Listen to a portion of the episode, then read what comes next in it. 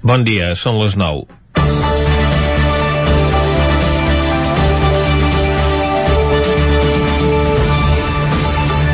Es comença a pressentir que s'acosten eleccions quan algú fa proclames amb tota vehemència als quatre vents, i més si es tracta d'algú que es postula com a cap de cartell electoral, com és el cas del conseller de Territori i Sostenibilitat i toca fer-se notar. Ahir, Damià Calvet va qualificar d'escandalosa la gestió del govern espanyol pel que fa al traspàs de Rodalies, perquè només s'ha executat el 15% de la inversió prevista fins al 2015 mentre que el projecte de pressupostos per l'any vinent no té prevista la transferència de diners a la Generalitat per cobrir el dèficit d'explotació del servei. Un d'art enverinat en què Calvet burxa tres bandes, a Esquerra Republicana i els seus antics companys al PDeCAT per donar suport a aquests pressupostos i els socialistes per ser els qui governen el Ministeri de Transports i alhora són els autors de l'acord del traspàs de Rodalies quan Quim Nadal ocupava la conselleria. Calvet va amenaçar amb recórrer als tribunals si aquesta situació es perpetua, encara que és tan perpètua que no s'entén ja que no l'hagi dut a terme fins ara, quan és a les portes de cessar en les seves funcions. De la mateixa manera que ha estat incapaç de sancionar Renfe, malgrat el reiterat mal servei que presta. Recordem que aquest any mateix els trens van deixar de circular de la Garriga en amunt durant el temporal Glòria, sense establir cap servei alternatiu, o com misteriosament desapareixien trens de la circulació, suposadament per un problema tècnic. Aquests dies estem veient com el pla per reduir la circulació de cotxes a l'Eixample de Barcelona per part del govern d'Ada Colau permet pacificar alguns carrers al temps que se'n col·lapsen d'altres. Aquestes mesures ni agraden a molts veïns a Barcelona, ni molts menys als que en venen de fora, perquè no pots expulsar el vehicle de la ciutat sense tenir un pla alternatiu de reforçament del transport públic ni hi ha aparcaments alternatius a l'entrada de la ciutat perquè mai s'han volgut fer, ni s'ha volgut resoldre la sobresaturació del transport públic i millorar l'oferta per accedir a la ciutat des de la resta del país. I ni una cosa ni l'altra es poden fer d'un dia per l'altre ara que venen les presses. Ahir mateix, els usuaris de la R3 es van trobar amb una nova jornada negra que va afectar la circulació de trens a tota la línia durant la tarda. Primer amb successius retards que finalment van desembocar amb l'aturada del servei durant més d'una hora en plena hora punta de retorn a casa. Com sempre, la informació va ser escassa i confosa, i els retards van ser monumentals fins i tot hores després d'haver-se arreglat l'averia. I aquest és el pa de cada dia en aquesta línia, mentre l'administració va posar traves al cotxe privat i alhora és incapaç de resoldre els problemes del transport públic. I sí, l'amenaçant Calvet és el mateix conseller que acaba de reduir l'oferta de trens en aquesta línia. Comencem Territori 17, a la sintonia del 9 FM, la veu de Sant Joan, Ona Codinenca, Ràdio Cardedeu i el 9 TV. Territori 17, amb Vicenç Vigues i Jordi Sunyer.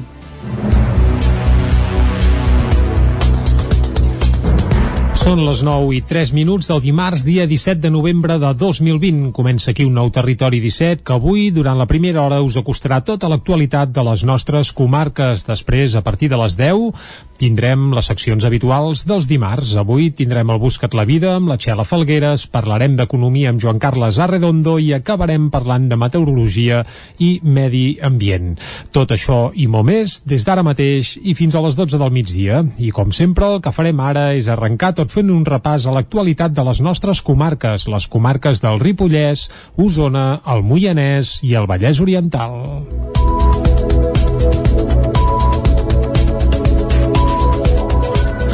El risc de rebrot i la taxa de reproducció tornen a enfilar-se al Ripollès. Isaac Muntades, des de la veu de Sant Joan.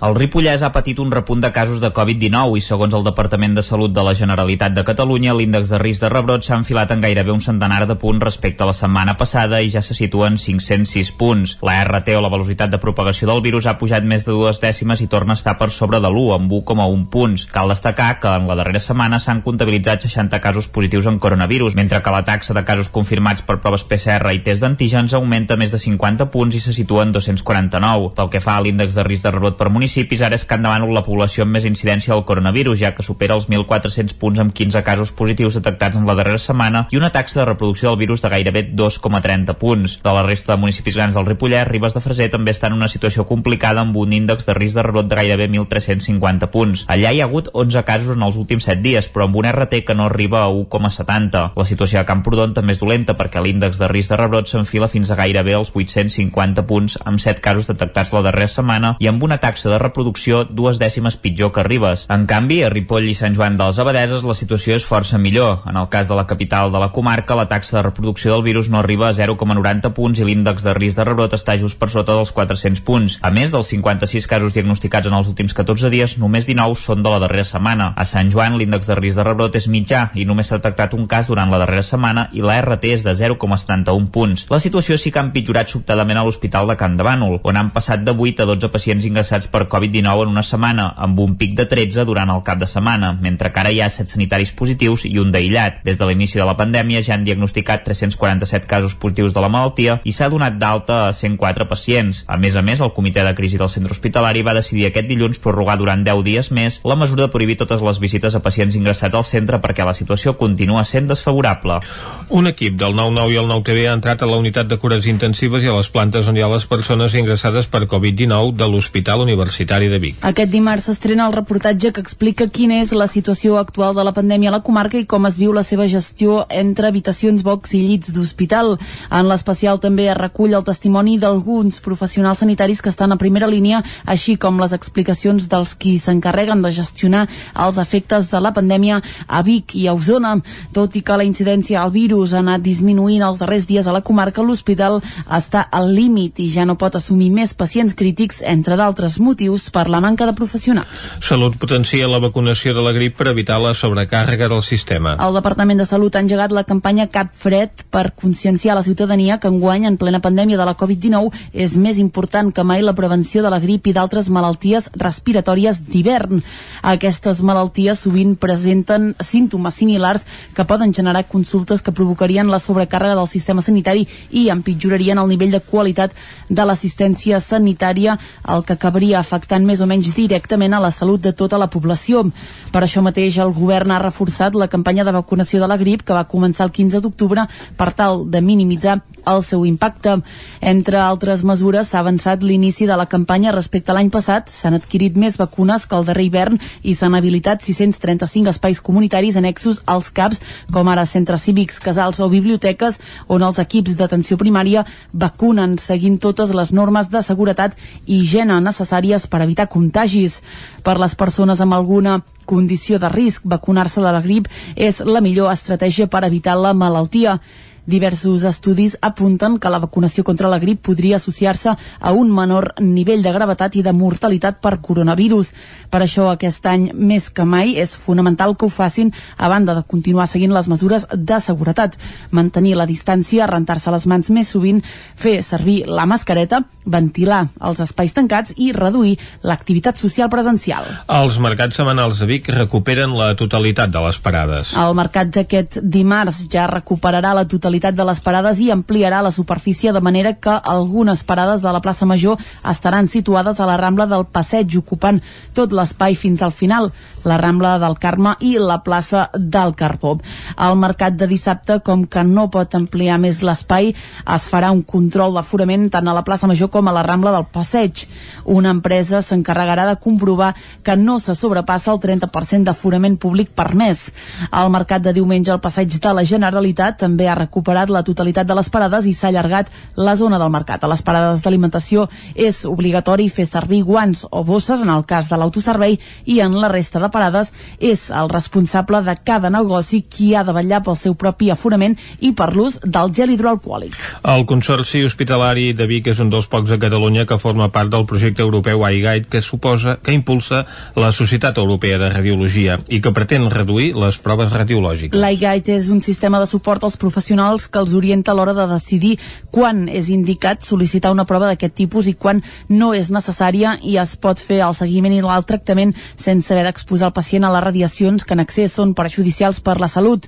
Amb l'aturada obligada durant la primera onada de la pandèmia, el Consorci ha començat a aplicar aquest protocol. Marta Serrallonga és metgessa especialista en diagnòstic per la imatge del Consorci Hospitalari de Vic doncs ens vam assentar i vam començar a classificar tots els pacients, vam entrar totes les històries clíniques, l'hospital va fer una inversió, va contractar personal per dedicar-nos a aquesta, a aquesta operació, que n'hi hem dit operació de justificació de proves radiològiques, que els clínics, que són els que visiten els pacients, perquè nosaltres radiòlegs no els visitem, els pacients, eh, demanin aquell test que s'ha de demanar, si s'ha de demanar, i que sigui el test adequat a la primera a la primera vegada, que no haguem d'anar repetint proves fins a arribar a un diagnòstic útil pel pacient. Amb la prova pilot, el Consorci Hospitalari de Vic ha deixat de fer una tercera part de les proves radiològiques analitzades, una dada que és similar en els diferents països que estan portant a terme projectes similars. La Fiscalia ha arxivat la causa penal oberta a la residència Santa Susana de Caldes. Les diligències afectaven a una professional del centre que va ser denunciada per una família usuària. Caral Campàs, des d'Ona Codinenca. La Fiscalia ha arxivat la causa penal oberta a un centre de gent gran de Caldes. D'aquesta manera, totes les diligències d'investigació que s'havien obert a les residències del Vallès Oriental han quedat arxivades. Tant la Garriga com Mollet o Parets també en tenien i aquestes setmanes s'han anat tancant els processos judicials. En tots els casos, excepte en el de Caldes, la Fiscalia va actuar d'ofici. En el cas de Caldes, les diligències es van obrir per una denúncia per una possible negligència mèdica que es es va iniciar arran de la denúncia d'un familiar. El procediment es va obrir a finals de maig, més tard que els altres. Assumpció Ros, gerent de la Fundació Santa Susana, valora de manera positiva la decisió de la Fiscalia. Tant una queixa, una denúncia i, bueno, això sempre és un, una mala notícia, no? Uh -huh. El que algú hagi, estigui tan disgustat que cregui que ha d'arribar aquí. Si al final es desestima, doncs, bueno, és és una, una bona notícia perquè deixarem de, de passar un mal rato tots plegats. Eh? Per tant, esperem que, que, que, que això acabi aquí i ja està. Destaca que la primera onada de la pandèmia ha permès aprendre'n molt i que ara es tenen més recursos, com la capacitat de fer proves PCR en poc temps a les persones que presenten símptomes. Tot i això, apunta que la situació no és fàcil. El Teatre de Cardedeu segueix promocionant la cultura a porta tancada sense anul·lar alguns dels bolos programats. De fet, diumenge es va representar a l'escenari del TAC els dies mentits, una obra que es va gravar i es retransmetrà als instituts. Un monòleg escrit a partir de dones reals i anònimes i la seva experiència, on es parla de l'anorgàsmia i el tabú que suposa dins d'una societat on tothom ha de tenir una sexualitat plena per sentir-se integrat. Parlem de Dies Mentits, una obra que es va estrenar fa dos anys a la sala Flyhard i que ara, malgrat que els teatres estiguin tancats, s'ha escenificat a Cardedeu a porta tancada per poder passar-se el vídeo als instituts de Cardedeu, sent els joves el primer punt en què es fixa l'obra. Marta Aranda, dramaturga i directora dels Dies Mentits portar aquesta obra a instituts i parlar obertament sobre això, sobre quines mm, relacions tenim patriarcals sexualment, pot ser doncs, un gran debat i, i una gran obertura que a aquests joves, perquè moltes vegades sabem que aquests temes encara avui en dia són una mica tabús, no? Fer l'espectacle a porta tancada és una de les iniciatives de l'Ajuntament de Cardedeu per incentivar la cultura. Marta Aran. És una iniciativa que per nosaltres crec que hauria de ser exemple a molts altres pobles i vull dir perquè així pot donar feina al sector de la cultura, perquè si no es van ajornant els bolos i es van ajornant a un altre mes també amb l'incertesa de que potser es tornin a ajornar no, aquest bolo que fèiem de Cardedeu era, l'havíem de fer al mes de març de quan va començar tota la pandèmia mundial no? vull dir, i l'oportunitat de poder venir aquí i gravar-lo i no tornar-lo a ajornar realment doncs, són unes nòmines, és una ajuda real a la cultura i realment crec que molts pobles no haurien de tenir por i, i seguir aquesta iniciativa que heu seguit aquí tan acertadament. L'obra es va fer diumenge sense públic al Teatre Auditori de Cardedeu, però la veuran tots els joves de Cardedeu als seus instituts. I fins aquí el butlletí de notícies que us hem ofert, com sempre, amb les veus de Vicenç Vigues, Clàudia Dinarès, David Auladell, Caral Campàs i Isaac Muntades. Ara el que toca és fer una ullada a la situació meteorològica.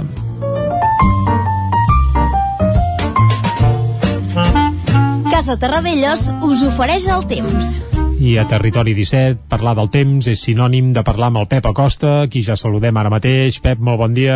Hola, molt bon dia. I bona hora. Benvinguts a l'Espai del Temps. Gràcies. Avui, al sortir de casa, uh Mhm. -huh. segur que heu notat que la temperatura ha baixat una mica. Per exemple, eh, 5 graus a Perafita, 5 graus a Molló, 7 graus a Puig de Zolles, a temperatura mínima, ha baixat una mica. Una mica, sí, sí. Tampoc extraordinàriament, ni Ah, molt exacte, menys, eh? No són valors encara propis de, de mitjans ja de novembre.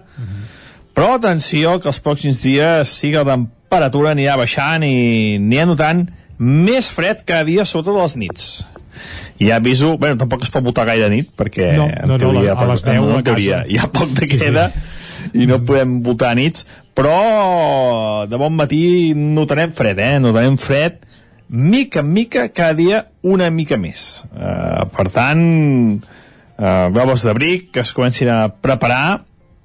No veig cap gran fredurada, no en veig cap gran fredurada, però sí que um, una progressiva normali normalització de les temperatures mínimes. Ja està. Eh, això, uh, començo per aquí avui, eh? Per les Sí, sí. temperatures mínimes, Perfecte. que avui són més baixes i que mica en mica aniran baixant. Uh, seran ja valors freds, freds, ben aviat. Uh, fet aquest primer titular, diria el primer titular, anem pel temps, anem per... Es continua amb el temps, bastant tranquil. Ahir, per això, almenys el dia va estar gris, bastant tapat, i on més va ploure? Cap a Montseny, uns 4 litres. Uh, a la resta del territori, de les nostres comarques, entre 1 i 2 litres, mm, va treure una mica de pols, mm, bueno, és que gairebé no, no va ni ploure a molts, molts llocs, on l'únic lloc que això, l'únic que destacava el Pirineu, el, perdó, el Montseny, entre 3 i 4 litres, molt poca cosa. I les temperatures màximes per fi van baixar ahir. Es van moure entre els 15 i els 17 graus, uns 4 o 5 més baixes que cap de setmana, que ja era hora que van ser unes temperatures gairebé d'escàndol, eh? Molt, molt altes. I avui, aquestes temperatures màximes pujaran una mica respecte ahir. Es mouran entre els 17 i els 19 graus, poder algun 20 a les zones més càlides del prelitoral, però no sovintejaran, eh? La majoria de temperatures, ja dic, 16, 17, 18 graus a tot estirar. Ara mateix encara hi ha hagut núvol, mm, ahir aquest front que ens va passar encara ens deixa hagut núvol, però molt aviat eh, ja es aniran retirant i el sol serà el gran protagonista del dia d'avui. També hi ha boires, eh, cuidado, sobretot a les zones del peritoral, a les zones més, més enclosades al peritoral, també a la plana d'Osona, eh, també cap a Moianès, els llocs típics de boires, hi ha boires que mica en mica s'aniran dissipant i, com deia a la tarda, brillarà el sol a gairebé totes les poblacions. En general, un dia tranquil, mmm, no gaires novetats, a l'espera d'això, de més fred i d'aviam si s'anima una mica, una mica la cosa, amb entrada vent de nord, amb alguna possible nevada al Pirineu, però bueno, ja ho anirem descobrint els pròxims dies. Moltes gràcies i fins demà. Adeu. Vinga, Pep, moltes gràcies. Uh, això, s'acosta una mica el fred, per tant, Vicenç, Clàudia, serà qüestió de preparar jeques, abrics, bufandes, però vaja, s'acosta un fred, en teoria, normal per l'època, eh? Tampoc res d'extraordinari. Ens ho alerta, com sempre, el Pep Acosta. Fet aquest apunt meteorològic, uh, ara el que toca és anar cap al quiosc, oi? I tant. Doncs vinga, una pausa i cap al quiosc. Casa Tarradellas us ha ofert aquest espai. Territori 17. Envia'ns les teves notes de veu per WhatsApp al 646 079 023. 646 079 023. WhatsApp Territori 17.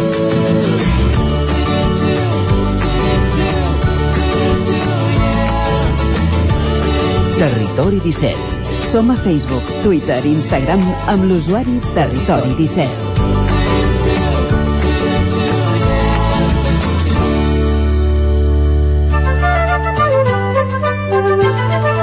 Abrigats o no, anem cap al quiosc a veure què trobem a les portades dels diaris d'avui, Clàudia. Molt bon dia de nou. Comencem, Vicenç, com sempre, amb les portades catalanes, amb el punt avui que parla d'una desescalada lenta i progressiva. Dilluns, diu, començarà una reobertura per fases, revisable cada 15 dies. Salut prepara el protocol perquè les farmàcies dispensin el test d'antígens. A la imatge diu el comerç a la UCI, un 43% dels botiguers pendents de la campanya de Nadal per decidir si tanquen. Uh, pel que fa encara a la pandèmia, anuncien una vacuna contra la Covid-19 amb una eficàcia d'un 94,5%. La Unió Europea vol arribar a un acord amb la farmacèutica dels Estats Units Moderna. En tornarem a parlar les següents portades de moment en política Puigdemont, Comín i Ponsatí citats el 7 de desembre. El Parlament Europeu posa en marxa el debat pel suplicatori i ha citat pel mes vinent els tres eurodiputats que tindran un quart d'hora cadascun per defensar els seus arguments. Una de les notícies del dia és que el BBVA i el Banc Sabadell negocien la seva fusió. Anem al diari ara que precisament obren finances, diu BBA i Sabadell negocien la fusió. El banc d'origen basc es ven per 9.700 milions la filial dels Estats Units per poder comprar el català. Les dues entitats juntes tenen més oficines a Catalunya que CaixaBank i que Bankia. A l'anàlisi diu el Banc d'Oliu una història recent de compres i declivi bursari. Anem a la pandèmia que diu Més Esperança Moderna diu que la seva vacuna té quasi un 95% d'eficàcia. Parla de més sobre mortalitat a Madrid que a Catalunya durant la segona onada i alerta perquè El Homrani ha remodelat la cúpula de treball per apaivagar la crisi. També parlant d'una descoberta d'un amagatall de sarcòfags intacte des de fa 2.500 anys, un un titular que no veiem cada dia, eh? apareixen a sa cara 100 tombes i 40 objectes funeraris, la troballa diu més important de l'any a Egipte. Anem al periòdico que diu el BBVA posa en marxa la compra del Sabadell. L'entitat obté gairebé 10.000 milions de la venda del seu negoci als Estats Units. El banc resultant seria el segon a Espanya darrere de CaixaBank després d'absorbir a Bankia. En política espanyola, Calviño prepara un rescat directe de pimes. El govern central estudia entrar en el capital d'empreses viables però escanyades pel coronavirus. Hongria i Polònia, que avui també són notícia, bloquegen el fons europeu anti-Covid. A la imatge diu el carril bici sobrepàs a Aragó. Les obres del passadís per ciclistes en aquesta artèria de l'Eixample ja estan en marxa. En clau internacional, els Estats Units anuncien una altra vacuna amb un 95% d'efectivitat. Salut projecta fer test d'antígens, com hem dit, a les farmàcies, malgrat les reticències de Sanitat. En esports, primera querella de la Fiscalia per racisme en el futbol i, com veiem també fa un moment, cessats els secretaris de Treball i Afers Socials de la Generalitat. Acabem les portades catalanes amb l'avantguàrdia que diu el BBVA surt dels Estats Units i encara la fusió amb el Banc Sabadell.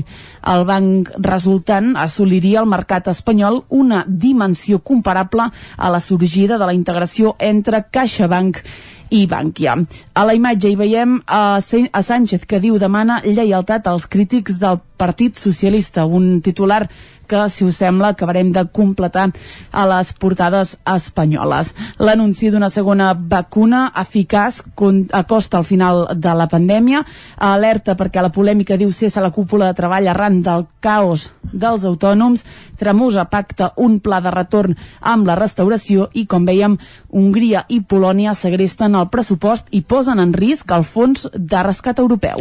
Anem a veure si els diaris de Madrid obren avui les seves portades amb economia, amb sanitat o en política? Mig, mig, doncs comencem amb el país que diu el BBVA eh, negocia absorbir el Banc Sabadell després de retirar-se dels Estats Units.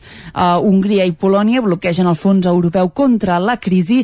Justícia iniciarà la reforma de la sedició abans de final d'any i aquí tornem a veure aquests assajos de Moderna que diu aplanen el camí a la vacuna de la Covid. El fàrmac experimental mostra una eficàcia preliminar del 94% superior a la de Pfizer i no requereix la ultracongelació, que recordem que era un dels problemes de la vacuna de Pfizer. El Mundo BBVA i Sabadell negocien crear el segon superbanc espanyol. Torres i Oliu van reprendre el contacte aquest estiu i els seus respectius consells han accelerat les converses en les últimes tres setmanes. A la imatge hi veiem a Arnaldo Otegui, diu Sánchez acusa el cop de l'escenografia Iglesias i Otegui per cens però censura els seus barons i els vetos d'Hongria i Polònia deixen al llim a, a les ajudes de la Unió Europea a Espanya. Anem a la raó, ara sí, aquí hi veiem a Cristina Narbona i a Pedro Sánchez, també seran els protagonistes de l'ABC, ja els hem anat veient a les portades anteriors. Diu Sánchez ja ha gastat els fons que la Unió Europea bloqueja. Polònia i Hongria veten el pla de recuperació pel debat dels drets. Els pressupostos de 2021 inclouen alerta 27.000 milions d'euros de diner europeu. Tornem a la imatge, diu el PSOE a Ciutadans, dos punts. Seguirem negociant. L'equip negociador trasllada en privat un missatge a l'equip d'arrimades perquè continuïn els pressupostos. En clau de pandèmia, diu, la vacuna de Moderna serà més efectiva que la de Pfizer i BBVA i Sabadell avancen en la seva fusió per crear el segon banc d'Espanya. Si et sembla, Vicenç, anem acabant. Ens anem acabant amb la portada de l'ABC. Acabem amb l'ABC, que obrem un cara a cara de Pedro Sánchez amb Cristina Narbona, és la presidenta del Partit Socialista. És una imatge que es va prendre ahir durant l'executiva del partit a Ferraz diu Sánchez, s'afarta dels barons i els fa callar. Es bronca els crítics, desautoritza els socialistes històrics i nega l'acord amb Bildu, un acord que, per cert, Alfonso Guerra doncs, qualifica de despreciable. És uh, la, la portada d'avui de l'ABC que també parla del veto aquest de la recuperació, diu el pols d'Hongria i Polònia a la Unió Europea posa en perill les ajudes. Els dos països, diu, rebutgen sotmetre's al control de qualitat democràtica a Brussel·les. Una ABC que surt amb la mateixa fotografia de portada que la Razón i la Vanguardia, aquesta de Cristina Narbona i Pedro Sánchez dialogant ahir a l'executiva del PSOE, mentre que veiem Arnaldo Tegui a la seu de Bildo la portada del Mundo, un hospital de campanya a Moscou a la del País, les obres del carril bici al carrer Aragó a la del periòdico, el comerç a punt de tancar el punt avui i aquesta troballa de sarcòfags a Egipte a l'ara. Hem repassat les portades de la premsa d'avui, ara tornem d'aquí un moment. Territori 17 El nou FM, la ràdio de casa, al 92.8. Les bones decisions tenen premi. I és que si té una caldera Vaillant, està d'enhorabona. Vaillant li ofereix fins a 15 anys de cobertura total, amb la revisió obligatòria inclosa. Informis a Oficiat Nord trucant al 93 886 0040. Amb el servei tècnic oficial de Vaillant, la seva caldera estarà en les millors mans. El 9 FM. Dilluns 23 de novembre, el 9 FM celebra 10 anys de ràdio, fent un programa especial a benefici del Banc de Sang i Teixits. Per venir a donar sang a la seu del 9-9, de dos quarts de 5 de la tarda a les 8 del vespre, truqueu al 677 071 756 o apunteu-vos a donarsang.gencat.cat 677 071 756. Dilluns 23 de novembre, programa especial de 10 anys del 9 FM, a partir de dos quarts de 5 de la tarda. El 9 FM, 10 anys, compartint ràdio. Tens joies o rellotges que vols rendibilitzar? Demana una valoració gratuïta a Comprem Or, especialistes en la compra de joies, diamants i rellotges. T'ofereixen transparència, discreció i la màxima taxació. Troba la teva botiga a compremor.com o truca al 938 101 342. Recorda, són els originals, els de la moneda. Comprem Or, Rambla de Vallada 7, Vic. Anuncia't al 9FM. La màquina de casa. 9 3 8 8 9 4 9 4 9. Publicitat arroba al 9FM.cat. Anuncia't al 9FM. La publicitat més eficaç. Hi ha una màgia que no té truc. És la màgia de compartir una estona amb algú i parlar-hi. Vols practicar català? Vols ajudar algú a parlar-lo? Apunta't al voluntariat per la llengua. El programa de les parelles lingüístiques a vxl.cat. Perquè quan parles, fas màgia. Generalitat de Catalunya. 100 milions i mig de futurs. Aquest any, vacuna't de la grip. Si tens més de 60 anys, alguna malaltia crònica, obesitat mòrbida o estàs embarassada. Aquest any és doblement important que les persones amb alguna condició de risc i les que les cuiden es vacunin de la grip. Cap fred. Més informació a canalsalut.gencat.cat. Cuidem el que som. Generalitat de Catalunya.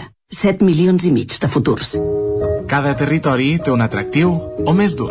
El fruit, el paisatge, la seva gent, les pedres... Camins de l'Eix. Descobrint el capital de terra endins. Camins de l'Eix, dissabte a les 9 del vespre al 9 TV. Aquesta setmana, Montrebei, amb el suport de la Generalitat de Catalunya. 7 milions i mig de futurs.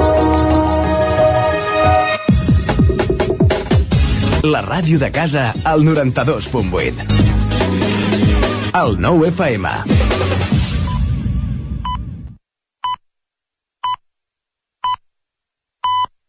Territori 17, amb Vicenç Vigues i Jordi Sunyer.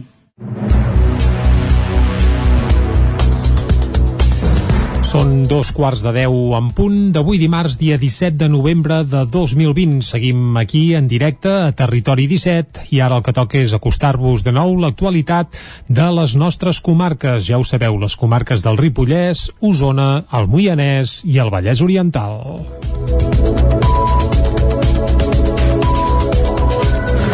El risc de rebrot i la taxa de reproducció tornen a enfilar-se al Ripollès. Isaac Muntades, des de la veu de Sant Joan. El Ripollès ha patit un repunt de casos de Covid-19 i, segons el Departament de Salut de la Generalitat de Catalunya, l'índex de risc de rebrot s'ha enfilat en gairebé un centenar de punts respecte a la setmana passada i ja se situa en 506 punts. La RT o la velocitat de propagació del virus ha pujat més de dues dècimes i torna a estar per sobre de l'1, amb 1,1 punts. Cal destacar que en la darrera setmana s'han comptabilitzat 60 casos positius en coronavirus, mentre que la taxa de casos confirmats per proves PCR i test d'antígens augmenta més de 50 punts i se situa en 249. Pel que fa a l'índex de risc de rebrot per municipis, municipis ara és Can Demànol la població amb més incidència del coronavirus, ja que supera els 1.400 punts amb 15 casos positius detectats en la darrera setmana i una taxa de reproducció del virus de gairebé 2,30 punts. De la resta de municipis grans del Ripollès, Ribes de Freser també està en una situació complicada amb un índex de risc de rebrot de gairebé 1.350 punts. Allà hi ha hagut 11 casos en els últims 7 dies, però amb un RT que no arriba a 1,70. La situació a Camprodon també és dolenta perquè l'índex de risc de rebrot s'enfila fins a gairebé els 850 punts amb 7 casos detectats la darrera setmana i amb una taxa de reproducció dues dècimes pitjor que Ribes. En canvi, a Ripoll i Sant Joan de les Abadeses la situació és força millor. En el cas de la capital de la comarca, la taxa de reproducció del virus no arriba a 0,90 punts i l'índex de risc de rebrot està just per sota dels 400 punts. A més dels 56 casos diagnosticats en els últims 14 dies, només 19 són de la darrera setmana. A Sant Joan, l'índex de risc de rebrot és mitjà i només s'ha detectat un cas durant la darrera setmana i la RT és de 0,71 punts. La situació sí que ha empitjorat sobtadament a l'Hospital de Can de Bànol, on han passat de 8 a 12 pacients ingressats per Covid-19 en una setmana, amb un pic de 13 durant el cap de setmana, mentre que ara hi ha 7 sanitaris positius i un d'aïllat. Des de l'inici de la pandèmia ja han diagnosticat 347 casos positius de la malaltia i s'ha donat d'alta a 104 pacients. A més a més, el comitè de crisi del centre hospitalari va decidir aquest dilluns prorrogar durant 10 dies més la mesura de prohibir totes les visites a pacients ingressats al centre perquè la situació continua sent desfavorable. Un equip del 9-9 i el 9-TV ha entrat a la unitat de cures intensives i a les plantes on hi ha les persones ingressades per Covid-19 de l'Hospital Universitari de Vic. Aquest dimarts s'estrena el reportatge que explica quina és la situació actual de la pandèmia a la comarca i com es viu la seva gestió entre habitacions, box i llits d'hospital. En l'especial també es recull el testimoni d'alguns professionals sanitaris que estan a primera línia, així com les explicacions dels qui s'encarreguen de gestionar els efectes de la pandèmia a Vic i a Osona. Tot i que la incidència al virus ha anat disminuint els darrers dies a la comarca, l'hospital està al límit i ja no pot assumir més pacients crítics, entre d'altres motius, per la manca de professionals. Salut potencia la vacunació de la grip per evitar la sobrecàrrega del sistema. El Departament de Salut ha engegat la campanya Cap Fred per conscienciar la ciutadania que enguany, en plena pandèmia de la Covid-19, és més important que mai la prevenció de la grip i d'altres malalties respiratòries d'hivern. Aquestes malalties sovint presenten símptomes similars que poden generar consultes que provocarien la sobrecàrrega del sistema sanitari i empitjorarien el nivell de qualitat de l'assistència sanitària. El que cabria afectant més o menys directament a la salut de tota la població. Per això mateix el govern ha reforçat la campanya de vacunació de la grip que va començar el 15 d'octubre per tal de minimitzar el seu impacte. Entre altres mesures s'ha avançat l'inici de la campanya respecte a l'any passat, s'han adquirit més vacunes que el darrer hivern i s'han habilitat 635 espais comunitaris annexos als CAPs, com ara centres cívics, casals o biblioteques, on els equips d'atenció primària vacunen seguint totes les normes de seguretat i higiene necessàries per evitar contagis. Per les persones amb alguna condició de risc, vacunar-se de la grip és la millor estratègia per evitar la malaltia. Diversos estudis apunten que la vacunació contra la grip podria associar-se a un menor nivell de gravetat i de mortalitat per coronavirus. Per això aquest any més que mai és fonamental que ho facin a banda de continuar seguint les mesures de seguretat, mantenir la distància, rentar-se les mans més sovint, fer servir la mascareta, ventilar els espais tancats i reduir l'activitat social presencial. Els mercats setmanals de Vic recuperen la totalitat de les parades. El mercat d'aquest dimarts ja recuperarà la totalitat de les parades i ampliarà la superfície de manera que algunes parades de la plaça Major estaran situades a la Rambla del Passeig, ocupant tot l'espai fins al final, la Rambla del Carme i la plaça del Carbó. Al mercat de dissabte, com que no pot ampliar més l'espai, es farà un control d'aforament tant a la plaça Major com a la Rambla del Passeig. Una empresa s'encarregarà de comprovar que no se sobrepassa el 30% d'aforament públic permès.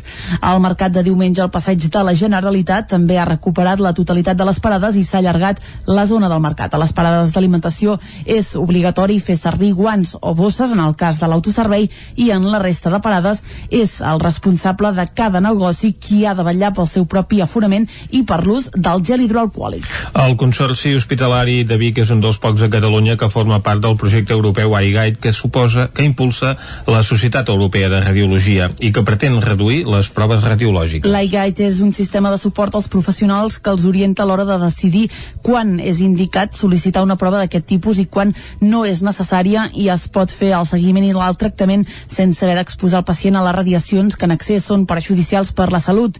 Amb l'aturada obligada durant la primera onada de la pandèmia, el Consorci ha començat a aplicar aquest protocol. Marta Serrallonga és metgessa especialista en diagnòstic per la imatge del Consorci Hospitalari de Vic doncs ens vam assentar i vam començar a classificar tots els pacients, vam entrar totes les històries clíniques, l'hospital va fer una inversió, va contractar personal per dedicar-nos a aquesta, a aquesta operació, que n'hi hem dit operació de justificació de proves radiològiques, que els clínics, que són els que visiten els pacients, perquè nosaltres radiòlegs no els visitem, els pacients, eh, demanin aquell test que s'ha de demanar, si s'ha de demanar, i que sigui el test adequat a la primera a la primera vegada, que no haguem d'anar repetint proves fins a arribar a un diagnòstic útil pel pacient.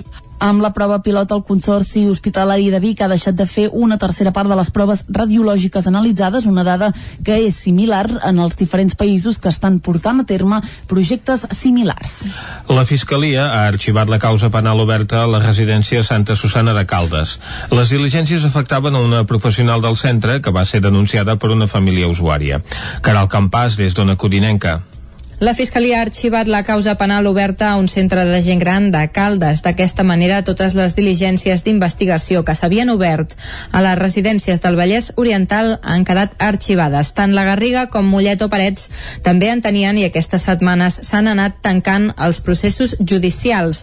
En tots els casos, excepte en el de Caldes, la Fiscalia va actuar d'ofici. En el cas de Caldes, les diligències es van obrir per una denúncia per una possible negligència mèdica que es va iniciar arran de la denúncia d'un familiar. El procediment es va obrir a finals de maig, més tard que els altres. Assumpció Ros, gerent de la Fundació Santa Susana, valora de manera positiva la decisió de la Fiscalia. Fan una queixa, una denúncia i, bueno, això sempre és un, una mala notícia, no? Uh -huh. Perquè algú hagi, estigui tan disgustat que cregui que ha d'arribar aquí. Uh -huh. Si al final es desestima, doncs, bueno, és és una, una bona notícia perquè deixarem de, de passar un mal rato tots plegats. Eh? Per tant esperem que, que, que, que això acabi aquí i ja està. Destaca que la primera onada de la pandèmia ha permès aprendre'n molt i que ara es tenen més recursos, com la capacitat de fer proves PCR en poc temps a les persones que presenten símptomes. Tot i això, apunta que la situació no és fàcil. El Teatre de Cardedeu segueix promocionant la cultura a porta tancada sense anul·lar alguns dels bolos programats. De fet, diumenge es va representar a l'escenari del TAC els dies mentits, una obra que es va gravar i es retransmetrà als instituts. Un monòleg escrit a partir de dones reals i anònimes i la seva experiència, on es parla de l'anorgàsmia i el tabú que suposa dins d'una societat on tothom ha de tenir una sexualitat plena per sentir-se integrat.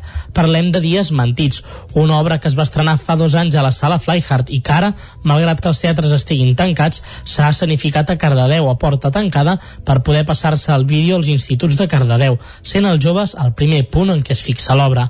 Marta Aran, dramaturga i directora dels Dies Mentits portar aquesta obra a instituts i parlar obertament sobre això, sobre quines mm, relacions tenim patriarcals sexualment, pot ser doncs, un gran debat i, i una gran obertura que aquests joves, perquè moltes vegades sabem que aquests temes encara avui en dia són una mica tabús, no? Fer l'espectacle a porta tancada és una de les iniciatives de l'Ajuntament de Cardedeu per incentivar la cultura. Marta Aran. És una iniciativa que per nosaltres crec que hauria de ser exemple a molts altres pobles i vull dir perquè així pot donar feina al sector de la cultura, perquè si no es van ajornant els bolos i es van ajornant a un altre mes també amb l'incertesa de que potser es tornin a ajornar no, aquest bolo que fèiem de Cardedeu era, l'havíem de fer al mes de març de quan va començar tota la pandèmia mundial no? vull dir, l'oportunitat de poder venir aquí i gravar-lo i no tornar-lo a ajornar realment doncs, són unes nòmines, és una ajuda real a la cultura i realment crec que molts pobles no haurien de tenir por i, i seguir aquesta iniciativa que heu seguit aquí tan acertadament. L'obra es va fer diumenge sense públic al Teatre Auditori de Cardedeu, però la veuran tots els joves de Cardedeu als seus instituts. Fins aquí el butlletí de notícies que us hem ofert, com sempre, amb les veus de Vicenç Vigues, Clàudia Dinarès, David Auladell, Caral Campàs i Isaac Muntades. Ara el que toca és fer una ullada a la situació meteorològica.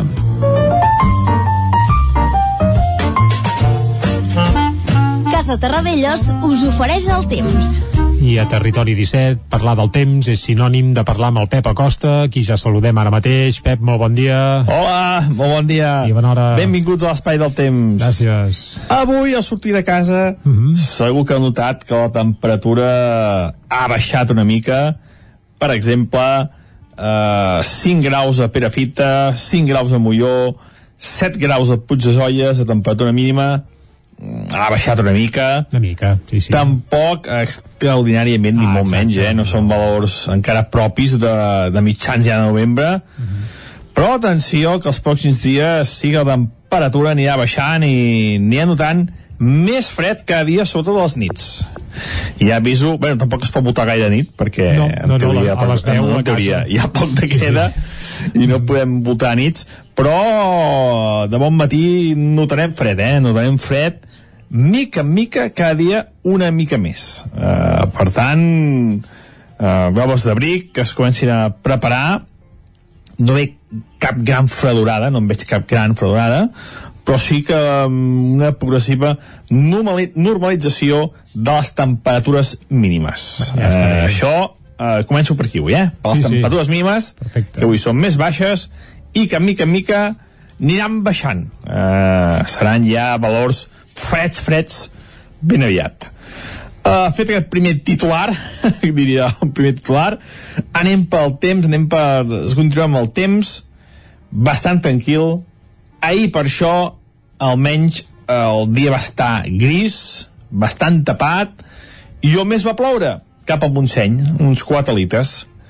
Uh, a la resta del territori, de les nostres comarques, entre 1 i 2 litres, mm, va treure mica la pols, mm, bueno, és que gairebé no, no va ni ploure a molts, molts llocs, on l'únic lloc, això, l'únic destacat al Pirineu, al, perdó, al Montseny, entre 3 i 4 litres, molt poca cosa.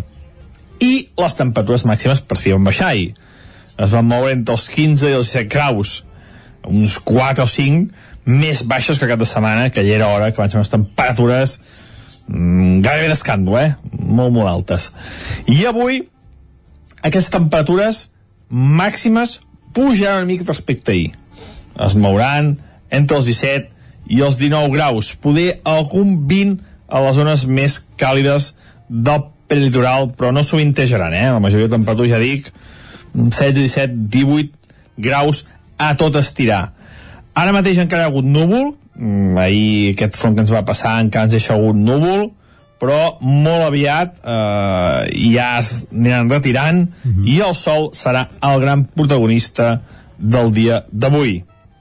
També hi ha boires, eh, cuidado, sobretot a les zones del peritoral, a les zones més, més enclosades al peritoral, també a la plana d'Osona, eh, també cap a Moianès, els jocs típics de boires, hi ha boires que mica en mica s'anen dissipant i com deia a la tarda brillarà el sol a gairebé totes les poblacions.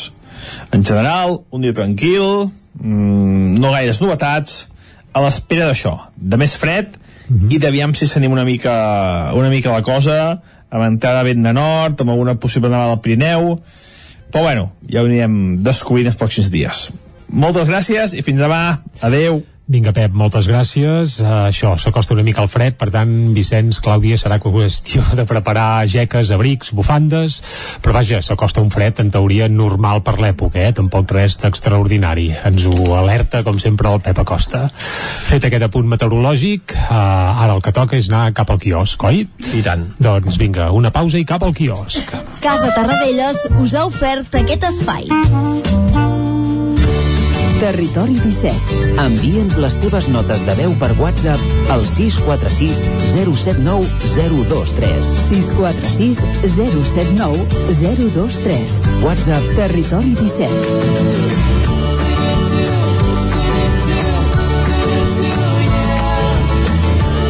Territori 17. Som a Facebook, Twitter i Instagram amb l'usuari Territori 17.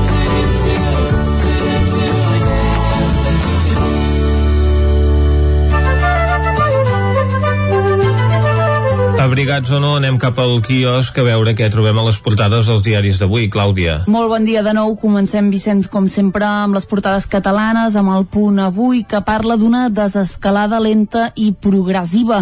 Dilluns, diu, començarà una reobertura per fases, revisable cada 15 dies. Salut prepara el protocol perquè les farmàcies dispensin el test d'antígens.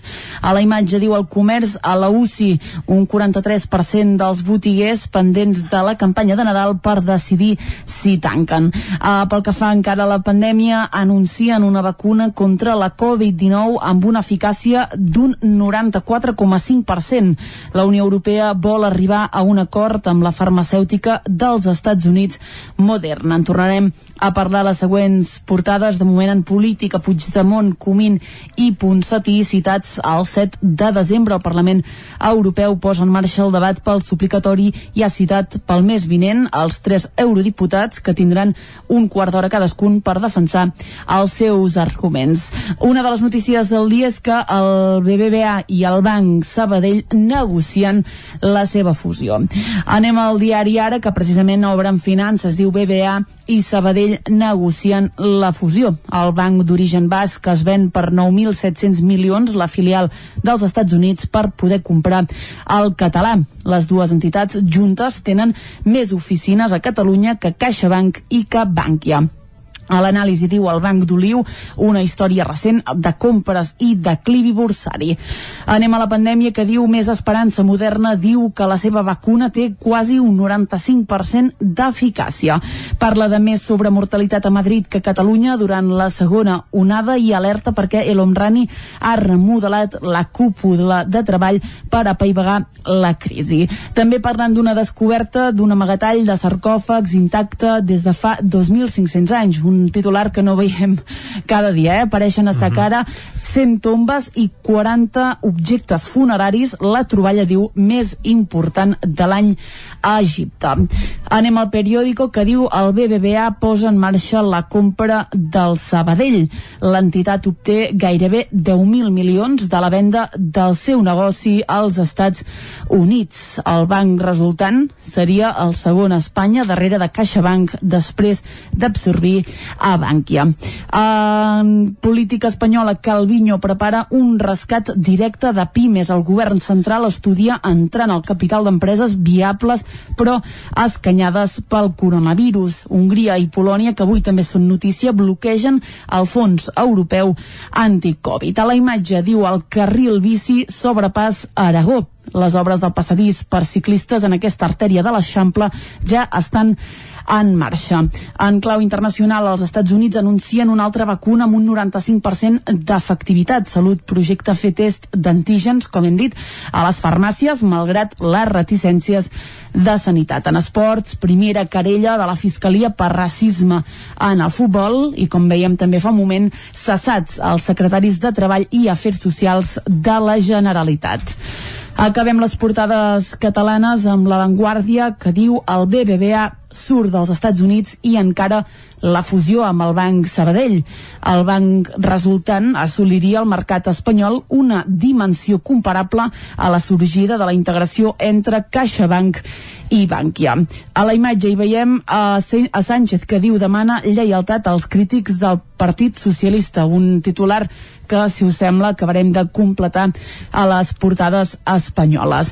L'anunci d'una segona vacuna eficaç acosta al final de la pandèmia, alerta perquè la polèmica diu cessa la cúpula de treball arran del caos dels autònoms, Tremosa pacta un pla de retorn amb la restauració i, com veiem, Hongria i Polònia segresten el pressupost i posen en risc el fons de rescat europeu.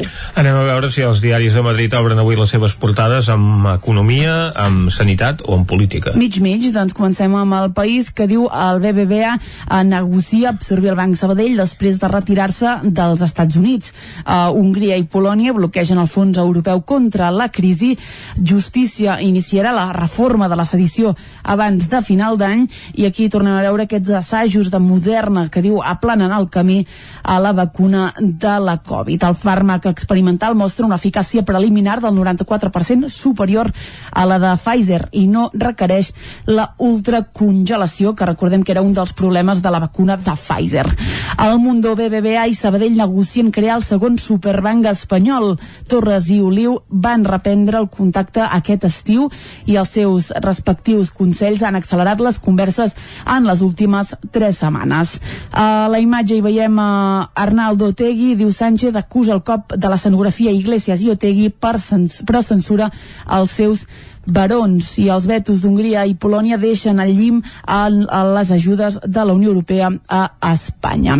Anem a la raó, ara sí, aquí hi veiem a Cristina Narbona i a Pedro Sánchez, també seran els protagonistes de l'ABC, ja els hem anat veient a les portades anteriors. Diu Sánchez, ja ha gastat els fons que la Unió Europea bloqueja. Polònia i Hongria veten el pla de recuperació pel debat dels drets.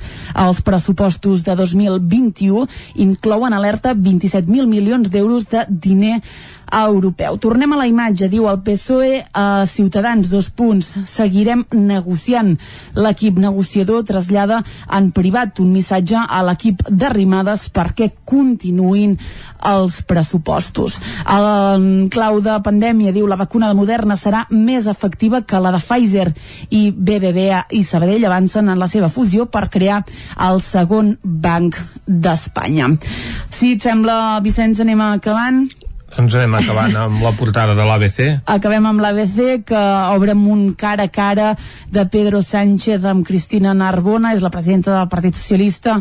És una imatge que es va prendre ahir durant l'executiva del partit a Ferraz Diu Sánchez s'afarta dels barons i els fa callar. Es bronca els crítics, desautoritza els socialistes històrics i nega l'acord amb Bildu, un acord que, per cert, Alfonso Guerra doncs, qualifica de despreciable. És uh, la, la portada d'avui de l'ABC que també parla del veto aquest de la recuperació, diu el pols d'Hongria i Polònia a la Unió Europea posa en perill les ajudes. Els dos països, diu, rebutgen sotmetre's al control de qualitat democràtica a Brussel·les. Una ABC que surt amb la mateixa fotografia de portada que la Razón i la Vanguardia, aquesta de Cristina Narbona i Pedro Sánchez dialogant ahir a l'executiva del PSOE, mentre que veiem Arnaldo Otegui a la seu de Bildo la portada del Mundo, un hospital de campanya a Moscou a la del País, les obres del carril bici al carrer Aragó a la del periòdico, el comerç a punt de tancar el punt avui i aquesta troballa de sarcòfags a Egipte a l'ara. Hem repassat les portades de la premsa d'avui, ara tornem d'aquí un moment. Bé, d'aquí un moment no, ja som aquí un altre cop uh, i després de repassar portades m'ha agradat això d'Egipte, eh, aquesta troballa uh, que han fet. Uh, és d'aquelles notícies que només surten cada 2.500 anys, no? Bé, home, en el cas d'Egipte potser no, perquè allà és que fan un clot a terra i els hi surt uh, de tot, eh? Però, però la veritat és Jordi que... Jordi Givert hi disfrutarien. Eh? Oh, això segur. el nostre company Dona Codinenca, que segurament ja hi deu haver estat més d'una vegada a Egipte, eh? Uh, però bé, ara som a la part final de la primera hora de Territori 17 i aquí, més que parlar d'arqueologia, parlem sempre de música i avui uh, farem un homenatge, entre cometes, a un grup que ahir va tancar la seva gira d'una manera que evidentment no era la prevista. Estem parlant d'un dels nostres grups de capçalera aquí Territori 17, és, són els Obeses, ja uh -huh. ras i curt, i resulta que Obeses tenien pensat tancar la gira del seu darrer disc, que es titula Fills de les Estrelles, amb un concert al Teatre Comtal de Barcelona, però per temes relacionats evidentment, ve, no? correcte, però evidentment per culpa de la pandèmia s'han vist obligats a suspendre aquest concert, també un darrer que havien de fer a Gironella amb Cobla i han donat per tancada la gira del seu darrer disc d'aquest Fills de les Estrelles. Com ho van fer? Doncs ahir la tarda, tarda vespre, crec que hi han cap a les 7 de la tarda, doncs van estrenar un videoclip d'una de les cançons del seu darrer disc, el videoclip és de la cançó Invasió Terrícola uh -huh. i és un autèntic festival de bé, de l'humor i alhora de... bueno, sembla un videojoc, eh, pràcticament. Uh, jo us invito que el mireu, però clar, per la ràdio és complicat, per tant el que farem nosaltres és punxar la cançó, eh? això ja ho alertem ara mateix, però si podeu gaudiu d'aquest videoclip perquè la veritat és que és espectacular, eh? En teoria uns marcianets ens envaeixen, però per allà apareixen imatges des del Donald Trump fins als mateixos obeses que acaben amb el cap tallat, és a dir, que tot plegat és una mica macabre, però amb aquell sentit de l'humor esmolat també que caracteritza la banda i precisament per tancar la gira com que no van poder fer el concert el que van fer ahir va ser una espècie de YouTube Live, Instagram Live i Facebook Live, tot això que es fa ara avui dia, van estar pràcticament dues hores fent-la petar amb els seus seguidors explicant projectes, explicant anècdotes, explicant tot de detalls d'això, de, de la seva darrera gira i també de la seva vida i miracles i bé, això no ho resumirem pas perquè si algú vol doncs també està penjat al YouTube, que hi pari l'orella. El que farem ara és escoltar, ja sentim les sirenes, eh? Sí, sí. Escoltar aquest Invasió Terrícola, que ahir es va estrenar en format d'un videoclip molt i molt aconsellable i que serveix tot plegat per posar fi a la gira de Fills de les Estrelles, el darrer treball d'Obeses, que esperem, ja van anunciar, eh? que abans de finalitzar l'any hi ha alguna sorpresa, uh -huh. és dir, que els veurem en algun lloc, televisivament parlant, i que de cara a l'any que ve estaran treballant amb un nou disc, tot i que no es van posar ni dates, ni calendaris, ni res, perquè ja van dir ben clar, diu, quin sentit té presentar i treure un disc nou si no podem fer directes, no? Per tant, això, el que està clar és que la salut del grup doncs està a, a dalt de tot, diguem-ne. Les ganes, de Covid, correcte, les ganes de tirar endavant també, però la incertesa és evident que també plana sobre el seu futur, com també el de la majoria de bandes de l'Star System musical català. Uh -huh. Escoltem aquesta invasió terrícola, sí? Escoltem-la. Doncs vinga, i amb això arribarem fins al punt de les 10 aquí a Territori 17. Fins ara. Qualsevol racó, des del frontó fins al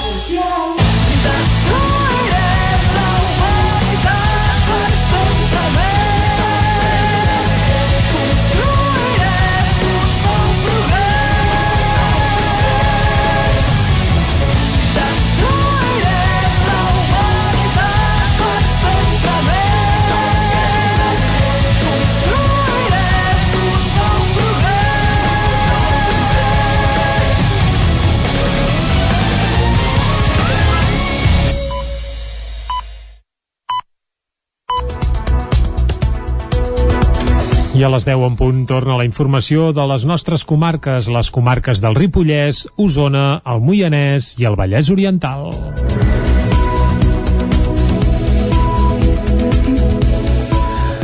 Del tancament de la planta de Prismina Manlleu n'han quedat o en quedaran afectades 334 persones. D'aquestes, 196 van sortir de l'empresa fa uns mesos i 119 han seguit el programa per trobar feina. Una de les premisses de l'acord del tancament negociat amb el comitè era que l'empresa es fes càrrec de recol·locar un mínim del 70% dels treballadors. Dels 119 que han seguit el programa, 71 han trobat feina, 17 estan a la fase de recerca activa i 31 més activaran la recerca de feina més endavant. Els que ja han trobat feina representen un 60% del total i sumant els que estan en recerca activa ja superarien el 70%, unes xifres que el regidor d'Indústria a Manlleu, David Bosch, valora molt positivament.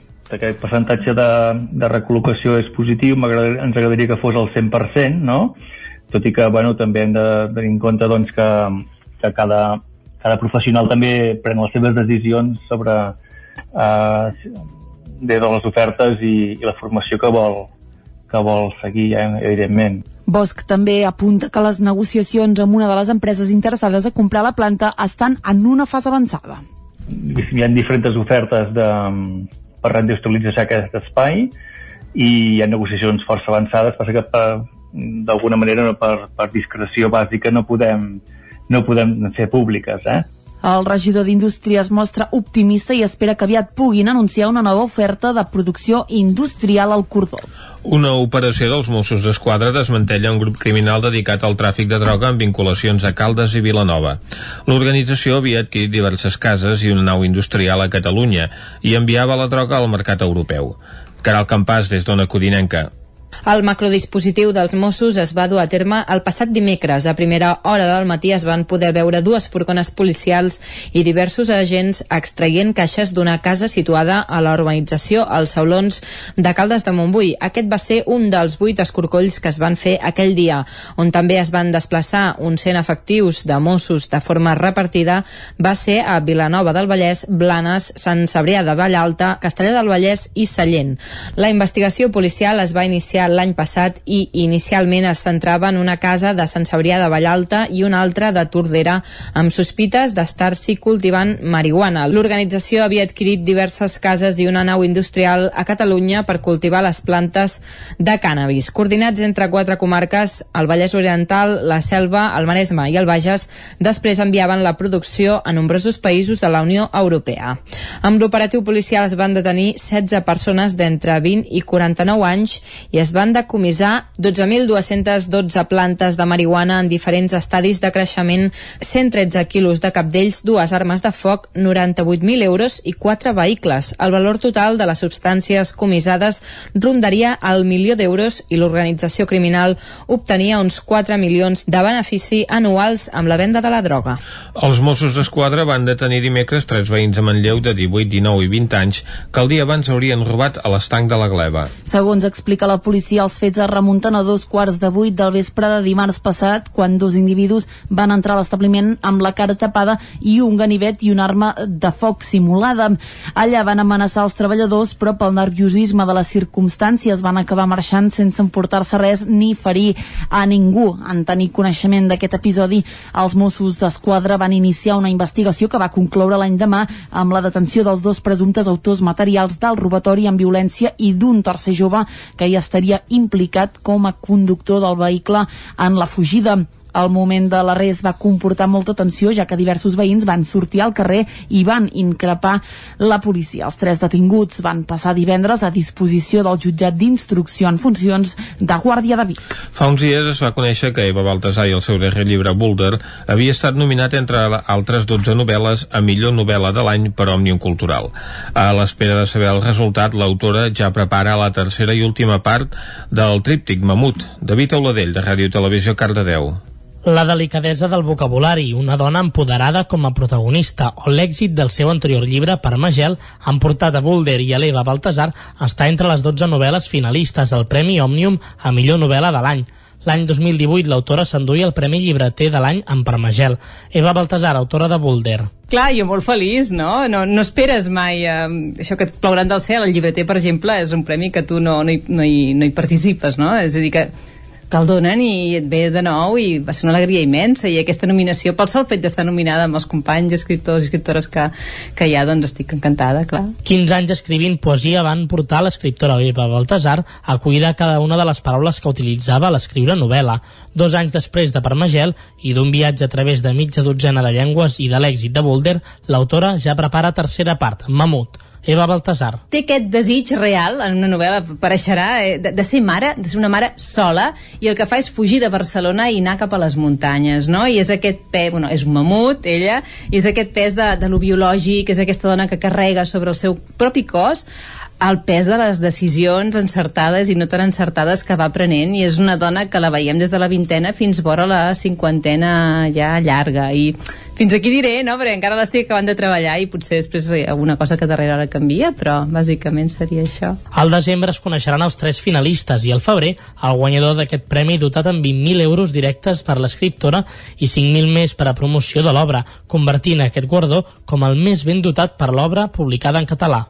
Amb el recull titulat Reina de Rates, crònica d'una època, Raquel Santanera ha estat la guanyadora de la 36a edició del Premi Miquel Martí i Pol de Poesia. Les restriccions contra la Covid-19 van fer impossible la celebració de l'acte i el nom de la guanyadora es va conèixer diumenge al matí a través de les xarxes socials de la Fundació. Santanera assegura que guanya aquest premi ha set un esclat d'alegria després d'un mes complicat per temes personals. Doncs bé, va ser... Bueno, m'ha fet molta il·lusió perquè venia d'un mes eh, difícil, no? Eh, tot el tema, que tots ho estem patint, però jo en especial aquest mes va ser dur per temes personals i doncs, va ser una alegria enmig de tot el drama que tenia muntat i realment em va fer especial il·lusió rebre un premi com el, com el Miquel Martí Pol. Santanera rebrà un premi en metàl·lic de 3.000 euros i veurà així publicat el seu tercer llibre que veurà la llum durant la primavera del 2021. El jurat va escollir la seva obra d'entre les 72 altres presentades que destaca per la diversitat de temes que tracta i per la seva capacitat per trencar límits entre gèneres literaris, poesia i narrativa. També s'han fet públics els guanyadors de la resta de premis literaris de Roda de Ter. El Premi de Teatre Jaume Salés es va repartir entre dos accèssits a cua que van ser per Sadurní i Vergés amb l'obra Algun dia saludaré al matí amb aquesta calma i Rafael Nieto i Miralles amb el Jardí dels Jutges Perduts. Els dos premis Sebastià Álvarez de Pedagogia que distingien treballs de final de grau i final de màster se'ls van endur Helena Tordera i Laura Travé. Esports. Els clubs es esportius competitius o d'oci no professionals continuen sense poder entrenar com és el cas del Club Bàsquet Camp de Bànol. Isaac Muntades, des de la veu de Sant Joan. Unes altres activitats que s'han vist molt perjudicades per les restriccions aplicades pel govern de la Generalitat per evitar l'augment de contagis són les esportives per equips, siguin competitives o d'oci no professionals. Per exemple, aquest és el cas del Club Bàsquet Camp de Bànol, on també juguen molts nens de la resta del Ripollès i sobretot de Sant Joan de les Abadeses, ja que durant les obres de remodelació del pavelló Merceguis i els problemes posteriors de filtracions d'aigua quan ja estava acabat, van obligar els equips candavanolencs a jugar al pavelló municipal Sant Joaní. L'activitat dels equips de bàsquet s'ha reduït a zero amb la prohibició dels entrenaments. El president del club, Ramon Revés, va explicar que evidentment el bàsquet és un esport de contacte i és difícil mantenir les distàncies de seguretat, però també va recordar que des que van tornar els entrenaments al mes de setembre han anat molt en compte i si hi havia qualsevol jugador d'una classe confinada no venia a entrenar durant 10 dies. De fet, no hi ha hagut cap positiu al club. Enguany no han pogut ni començar la competició, tot i que Revés és optimista i creu que cap a principis del mes de desembre, si la situació es normalitza una mica, es puguin reprendre els entrenaments i fins i tot la competició. El president de l'entitat també va lamentar l'espècie de maledicció que acompanya l'estrena del nou pavelló Can de Bànol. pobre pavelló està agafat, no? Pobre.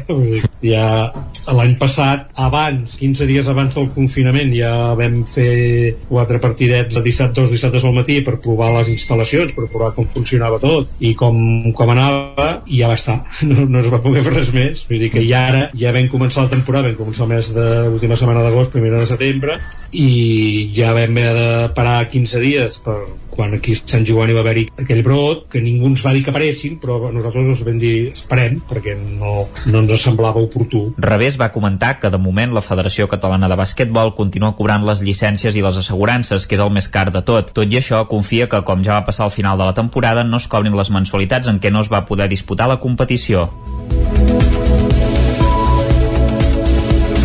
I fins aquí el butlletí de notícies de les 10 del matí que us hem ofert amb les veus de Vicenç Vigues, Clàudia Dinarès, David Auladell, Caral Campàs i Isaac Muntades. Ara el que toca és refrescar la informació meteorològica per saber el temps que ens espera per a les properes hores. Anem-hi.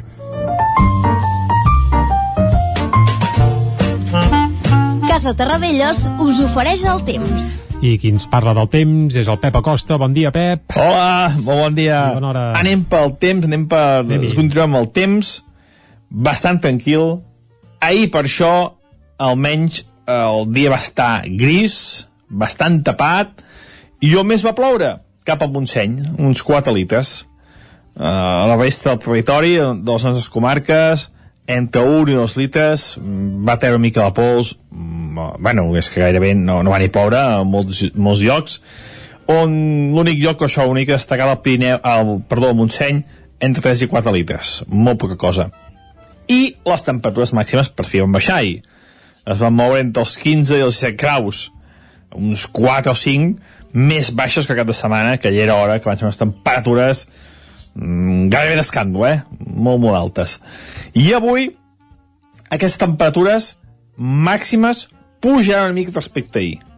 Es mouran entre els 17 i els 19 graus, poder algun 20 a les zones més càlides del prelitoral, però no sovintejaran, eh? La majoria de temperatures, ja dic, 16, 17, 18 graus a tot estirar. Uh -huh. Ara mateix encara hi ha hagut núvol, mm, ahir aquest front que ens va passar encara ens deixa hagut núvol, però molt aviat eh, ja es aniran retirant i el sol serà el gran protagonista del dia d'avui. També hi ha boires, eh, cuidado, sobretot a les zones del peritoral, a les zones més, més enclosades al peritoral, també a la plana d'Osona, eh, també cap a Moianès, els jocs típics de boires, hi ha boires que mica en mica s'aniran dissipant i com deia a la tarda brillarà el sol a gairebé totes les poblacions. En general, un dia tranquil, mmm, no gaires novetats, a l'espera d'això, de més fred i d'aviam si s'anim una mica una mica la cosa, Aviam. amb entrada vent de nord, amb alguna possible nevada al Pirineu, però bueno, ja ho anirem descobrint els pròxims dies. Moltes gràcies i fins demà. Adeu. Vinga, Pep, moltes gràcies. Estarem al cas d'aquesta fredurada que ens augures, tot i que en cap cas es tracta d'una gran onada de fred i aviam si hi ha alguna enfarinada al Pirineu i tot. De moment, per això, a la tarda, a Vicenç, una mica de solet, que també va bé, eh? Oh, i tant. Fantàstic. Molt bé, ara fem re, un breu parèntesi i de seguida anem a l'entrevista. Avui anirem cap a Cardedeu. Anem-hi. Casa Tarradellas us ha ofert aquest espai. Territori 17. Envia'ns les teves notes de veu per WhatsApp al 646 079 023. 646 079 023. WhatsApp Territori 17.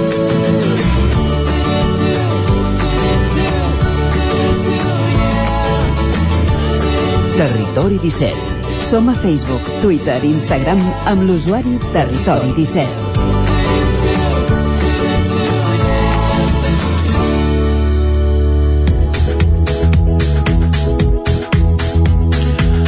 Ara mateix falta un minut per un quart d'onze. El divendres 30 d'octubre, com ja sabeu, van entrar en vigor noves mesures de contenció de l'activitat laboral i social i de la mobilitat per tal d'aturar la transmissió de la Covid-19.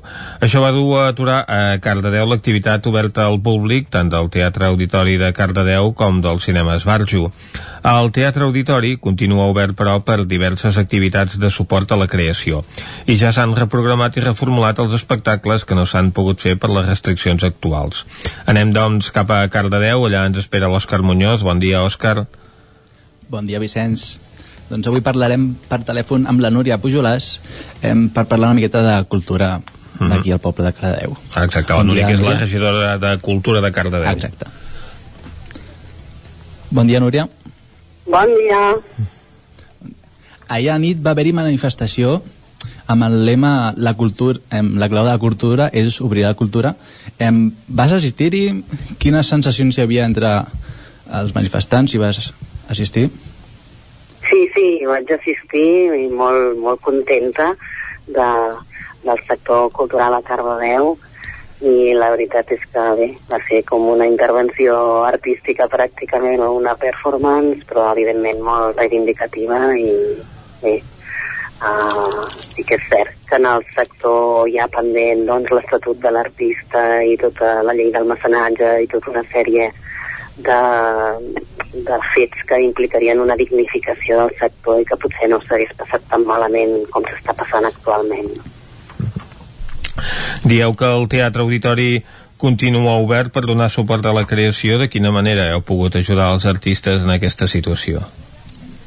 Bé, nosaltres ens vam plantejar que si els restaurants on, on també s'hi si ofereix normalment no, una experiència de compartir, no? Uh, ara no podien fer-ho i havies d'anar a buscar menjar per emportar, que evidentment no és el mateix, doncs uh, els teatres potser hauríem de fer quelcom similar i que la cultura fos per emportar. Llavors, a partir d'aquesta idea, uh, vam, vam decidir doncs, parlar amb cada companyia a veure què és el que millor li anava per no haver de tornar a reprogramar espectacles que ja estàvem reprogramant des del març d'abril i que això estava fent un embús no només per ells sinó pels que venien a darrere no? i a més a més en el nostre cas que intentem impulsar molt artistes i companyies quilòmetre zero d'alguna forma doncs, doncs aquest tap també el fèiem amb, amb la gent creativa, creadora de Cardedeu. Mm. Llavors, a partir d'aquí vam anar parlant amb cada un d'ells i demanant-los què els anava millor, si reprogramar o si gravar amb audiovisual tot sencer o gravar una part de, de l'espectacle o bé, amb, amb la mesura del que nosaltres podíem i gràcies a la col·laboració també de Ràdio Televisió Cardedeu doncs hem anat, hem anat fent això en funció de cadascú, demanar-li una mica a la carta què és el que li anava millor. I quins espectacles gravareu? Explica'ns una mica com eh, funciona això de les residències de creació.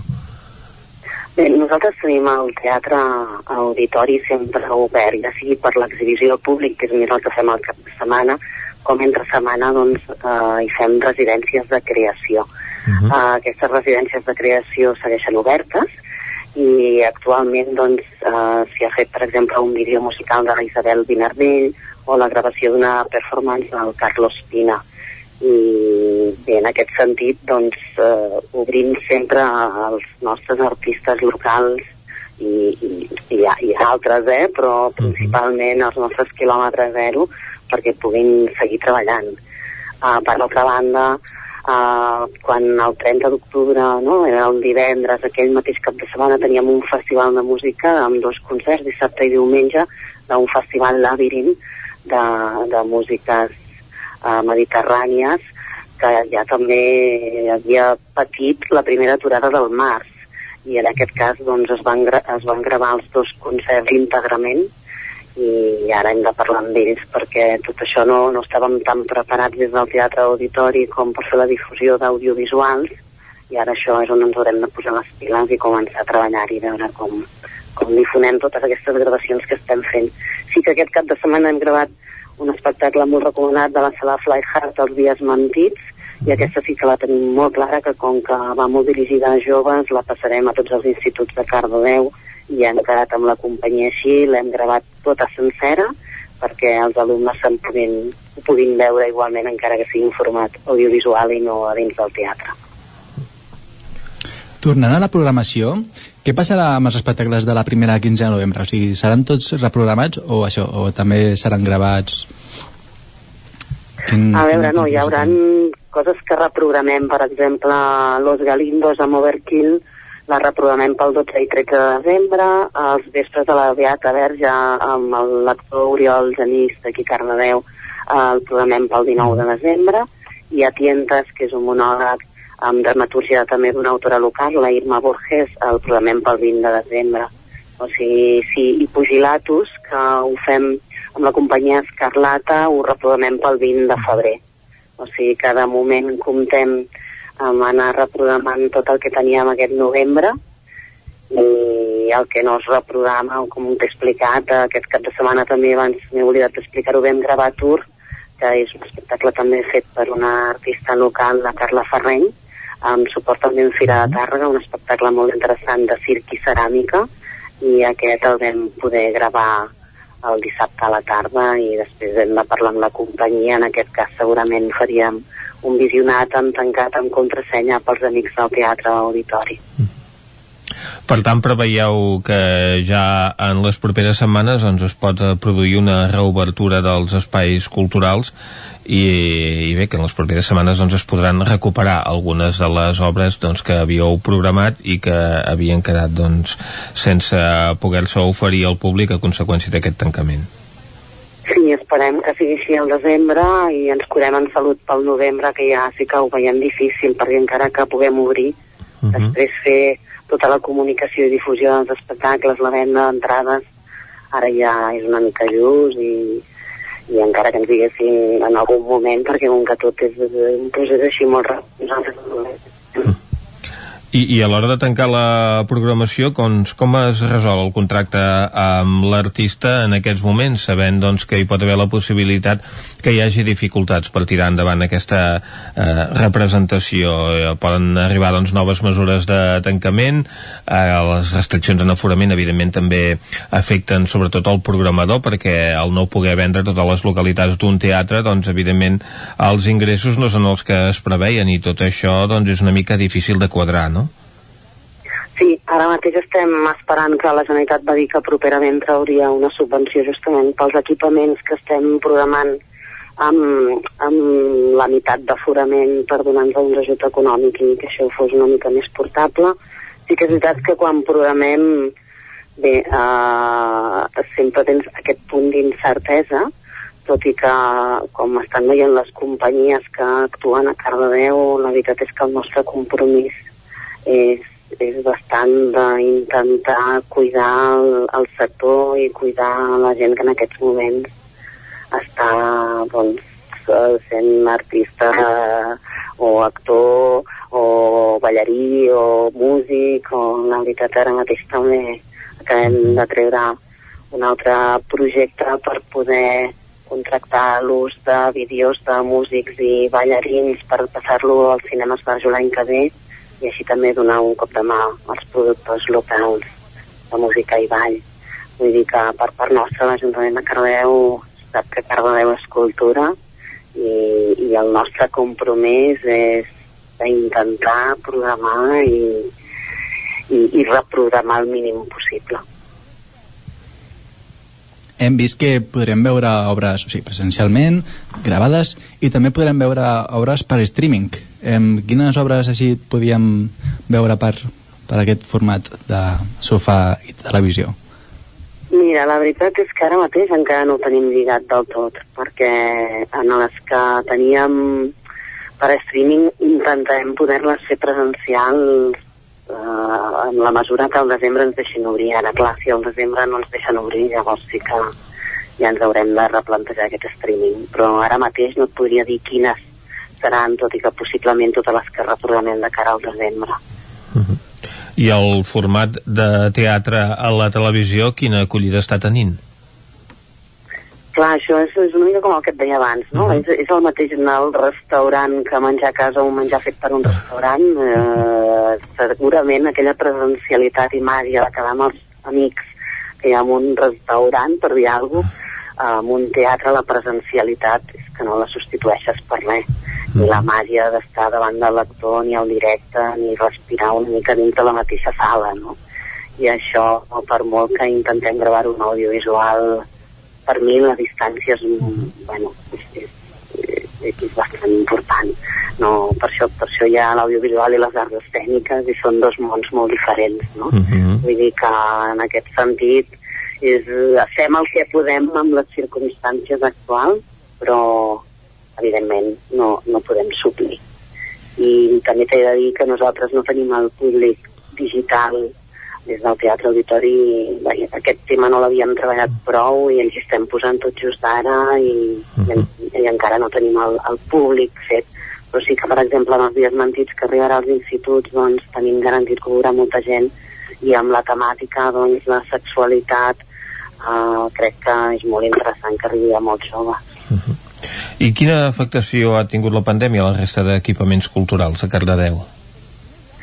Sí, mira, uh, és curiós perquè, clar, com sabeu, a les biblioteques només s'hi pot anar a buscar, doncs, ja sigui llibres o música o pel·lícules, Uh -huh. i, clar, jo dic que és un moment de, de no mobilitat, què no ens podem moure pràcticament d'on vivim, i, i és un moment de viatjar molt a través de la literatura, i això es nota molt amb les llargues cues que es fan a la biblioteca per anar a buscar llibres i material, no?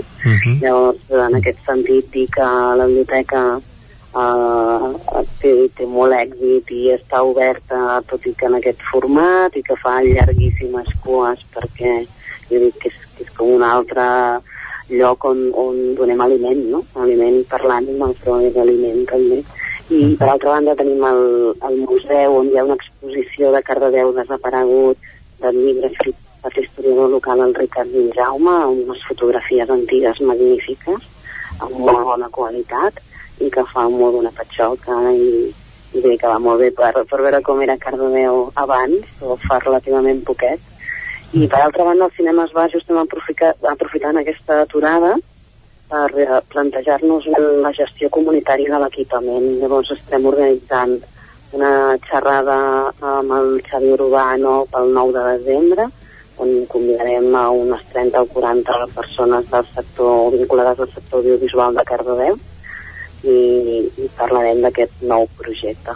I per altra banda, doncs, els artistes locals no paren i avui, per exemple, tenim, per posar només un exemple, doncs una conferència guiada per la Mercè Alzina, una artista que a més a més va ser regidora de Cultura de Cardedeu, en el a Santa Mònica de Barcelona, que farà una, conduirà una xerrada de la Eucarist, del llenguatge i el cos. Moltes gràcies, Núria. Se'ns acaba el temps. Seguirem el dia de l'activitat cultural de Cardedeu. Gràcies per acompanyar-nos. Moltes gràcies a vosaltres, que vagi molt bé. El nou FM, la ràdio de casa, al 92.8. El nou FM. Dilluns 23 de novembre, el nou FM celebra 10 anys de ràdio, fent un programa especial a benefici del Banc de Sang i Teixits. Per venir a donar sang a la seu del 9-9, de dos quarts de 5 de la tarda a les 8 del vespre, truqueu al 677 071 756 o apunteu-vos a donarsang.gencat.cat 677 071 756. Dilluns 23 de novembre, programa especial de 10 anys del 9 FM, a partir de dos quarts de 5 de la tarda. El 9 FM, 10 anys, compartint ràdio. 92.8 L'Auditori Teatre de Calldetenes presenta Paraules encadenades, de Vitó. El 28 de novembre a les 9 del vespre, Paraules encadenades, a l'Auditori Teatre de Calldetenes. Òptica Visual Opti3. Regala qui estimis, visió, salut, protecció, prevenció i moda. Per tu, regala't una revisió visual completa. Visual Opti3, la teva òptica. Ens trobaràs a Facebook, Instagram, visualopti3.com i a la plaça Major 39 de Vic. La Fogonera, resistència gastronòmica. És un restaurant? És un rostidor? És La Fogonera, la cuina en directe des de GURB, on encarregues, ho vens a buscar i ara també t'ho portem a casa. La Fogonera, resistència gastronòmica. Ara, amb la fogonera de dia, amb aperitius, arrossos, segons plats i postres. I quan cau la nit, ens transformem en un popurri culinari. Búrguers, pizza, pasta... Truca al 93 851 55 75 o entra a lafogonera.cat. La Fogonera, el teu aliat gastronòmic. Només pensar en passar aquesta nit sense calefacció amb aquest fred? No es preocupi, hem analitzat a fons la caldera i de seguida quedarà reparada i en funcionament. Quan tingui un problema amb la seva caldera, vagi directament a la solució. Truqui sempre al servei tècnic oficial de Saunier Duval i despreocupis, perquè som fabricants i coneixem les nostres calderes peça a peça. Informis a Oficiat Nord trucant al 938860040. Saunier Duval, sempre al seu costat. Cada territori té un atractiu o més d'un. El fruit, el paisatge, la seva gent, les pedres... Camins de l'Eix. Descobrint el capital de terra endins.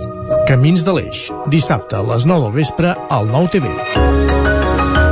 Aquesta setmana, Montrebei, amb el suport de la Generalitat de Catalunya. 7 milions i mig de futurs.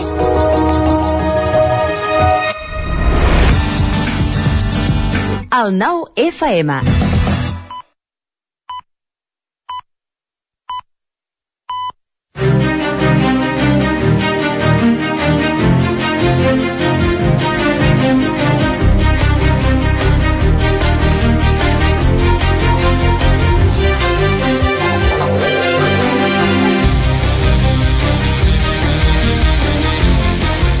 Són eh, dos quarts onze, encetem al territori 17 la taula de redacció.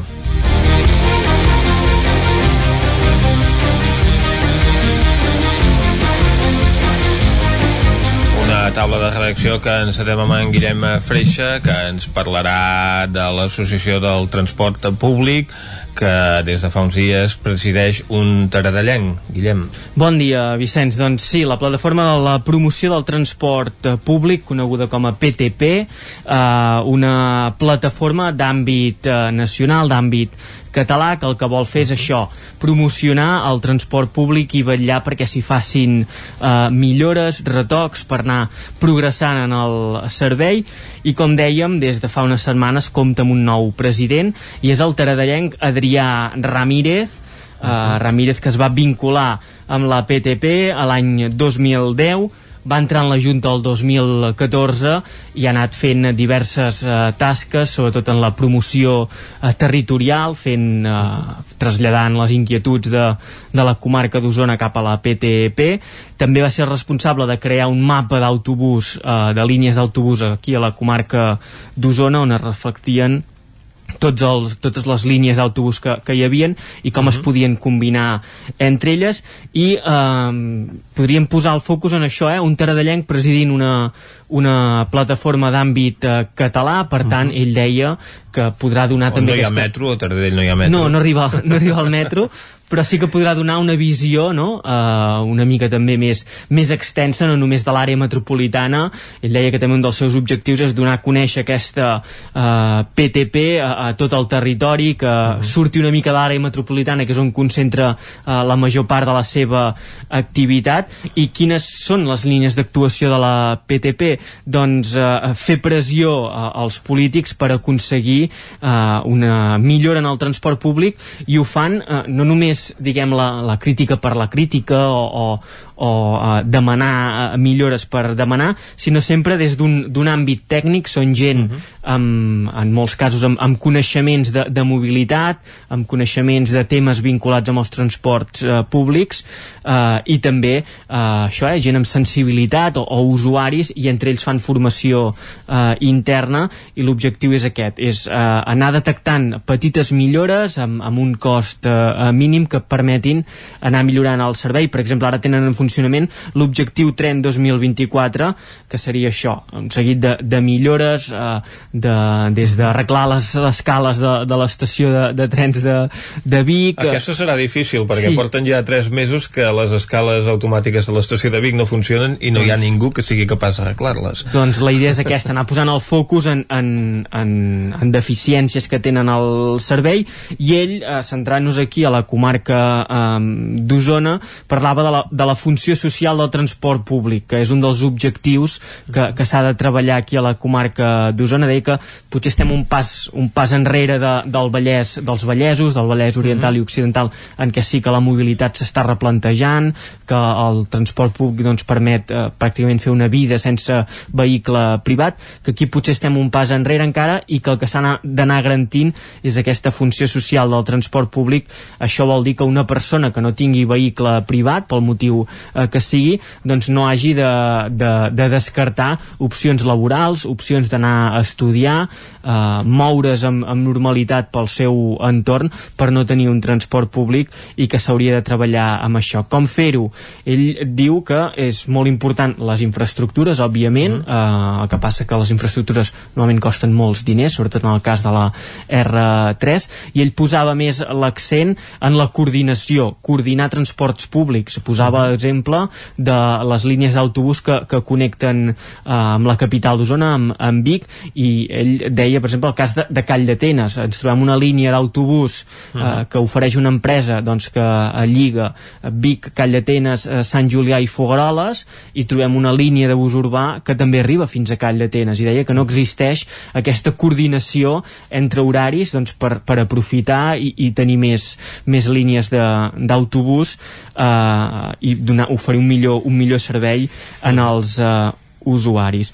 Per eh, anar acabant també es centrava en la mobilitat aquí a Vic, recordem que s'està fent tot un seguit de, de projectes com Vic Ciutat de, de Zona 30, el carril bici de la Ronda Camprodon, diversos eh, projectes de, de mobilitat.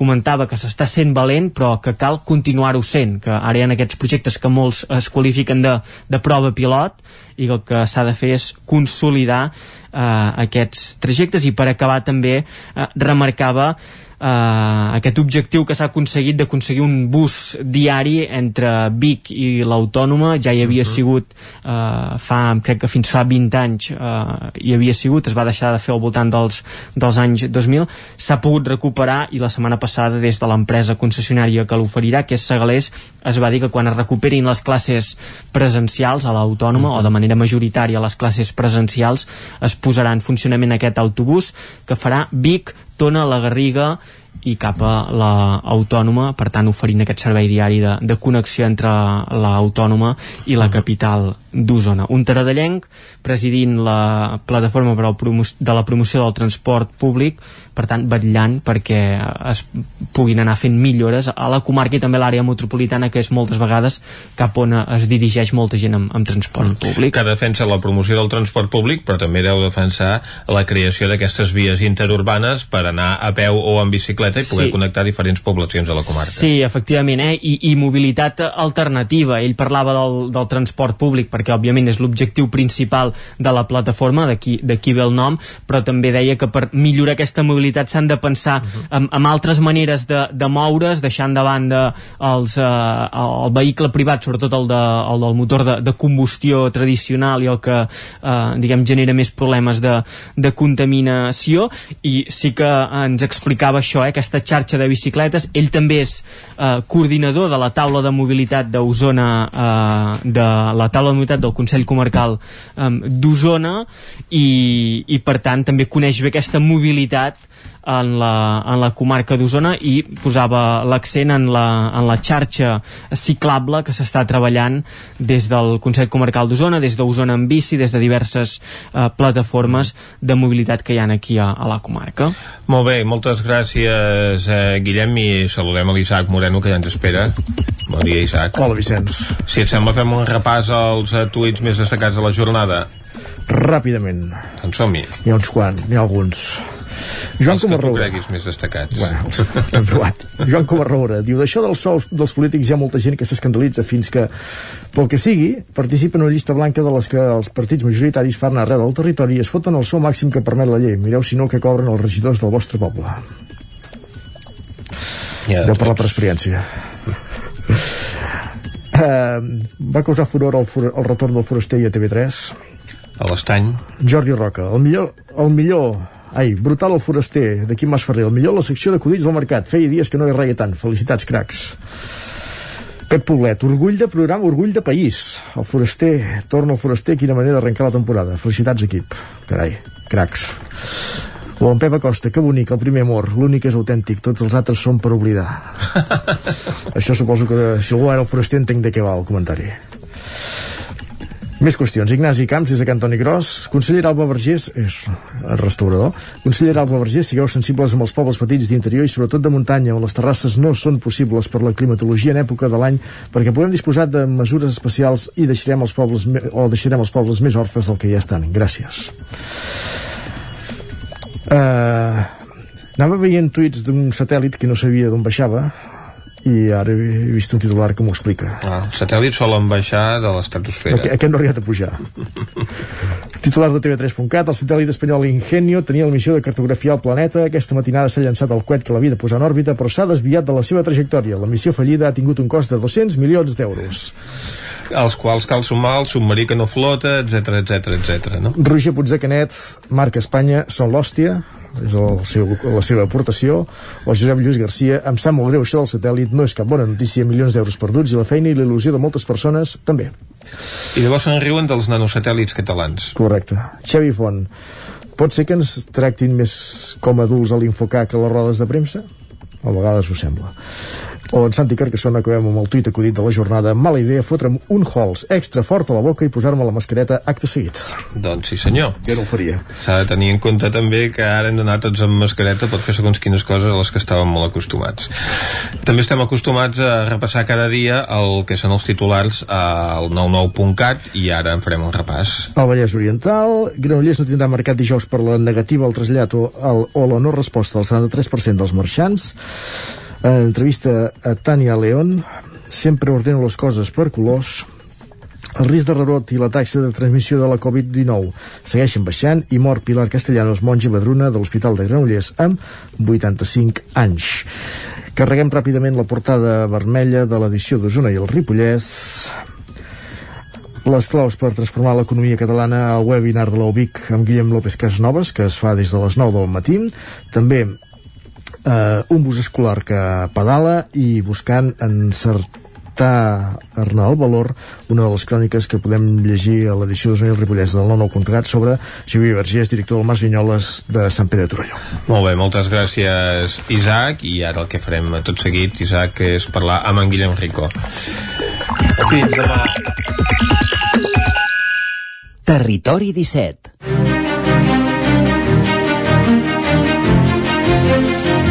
Avui, Vicenç, ho fem complicat, això. Eh? Hem començat la taula de redacció, hem fet un parèntesi ara aquí per les piulades i el repàs a les portades digitals i reprenem el fil de nou a la taula de redacció, oi? Exacte, amb en Guillem Rico, amb el que parlarem del desè aniversari de l'associació T. Asperger. Guillem. Sí, bon dia.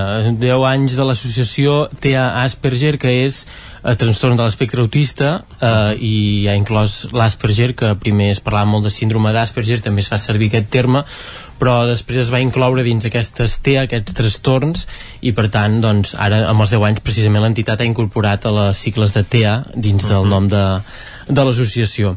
Una entitat que, com dèiem, es va formar ara fa 10 anys, eh, a, la comarca d'Osona eren quatre famílies que van, que van amb fills que tenien aquesta síndrome uh -huh. uh, van decidir allò unir-se una mica per, per compartir problemàtiques al cap d'un temps van incorporar un psicòleg, ara en són quatre i de fet han passat de ser quatre famílies i un psicòleg a ser ara 110 socis 110 usuaris uh -huh. i tenen quatre, quatre psicòlegs.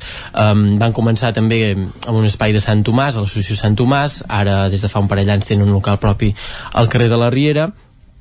I això, una, una de les tasques que fan doncs és això, és atendre aquests aquestes persones d'entre 5 i, i 40 i, i edat adulta uh -huh. parlàvem amb algun que en tenia 45 també um, i el que fan és això, els, els atenen de manera individual però també fan temes de grup per ajudar-los a sociabilitzar.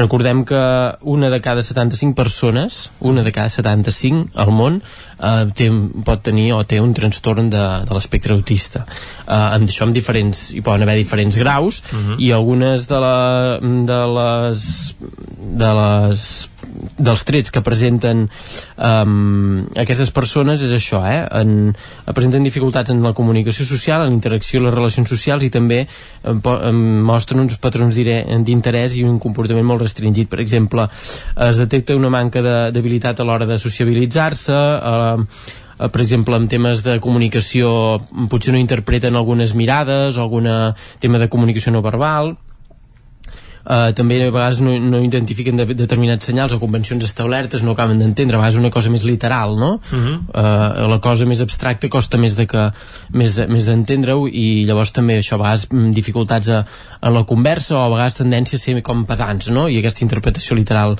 que dèiem i també parlaven d'una rigidesa també mental i, i dificultat en la frustració la prevalència també és més alta en els nens que en les nenes, és una nena per cada quatre nens uh -huh. i elles diu que són més, que són més camufladores i volen ser més acceptades i llavors pateixen més ansietat en aquest aspecte i llavors això que fan a, a l'entitat és, és treballar per facilitar-los diguem la vida eh, eh, ajudar-los a, a també a, a trobar rutines o, o trobar una manera de, de gestionar-ho d'una manera més, més fàcil. I també això es creen aquests grups um, d'oci perquè moltes vegades això es troben que que costa entrar en determinat grup, no? I llavors eh, creen, fan trobades, fan activitats sempre acompanyats d'un psicòleg i això els ajuda doncs, amb aquest fet. També trobades de famílies, incideixen molt també amb les famílies. Parlàvem amb algunes mares, deien que en aquest espai no has de patir perquè et mirin estrany perquè el teu fill ha fet alguna cosa que, que s'escapa, diguem, des del, de la normalitat, de la normalitat per dir-ho manera.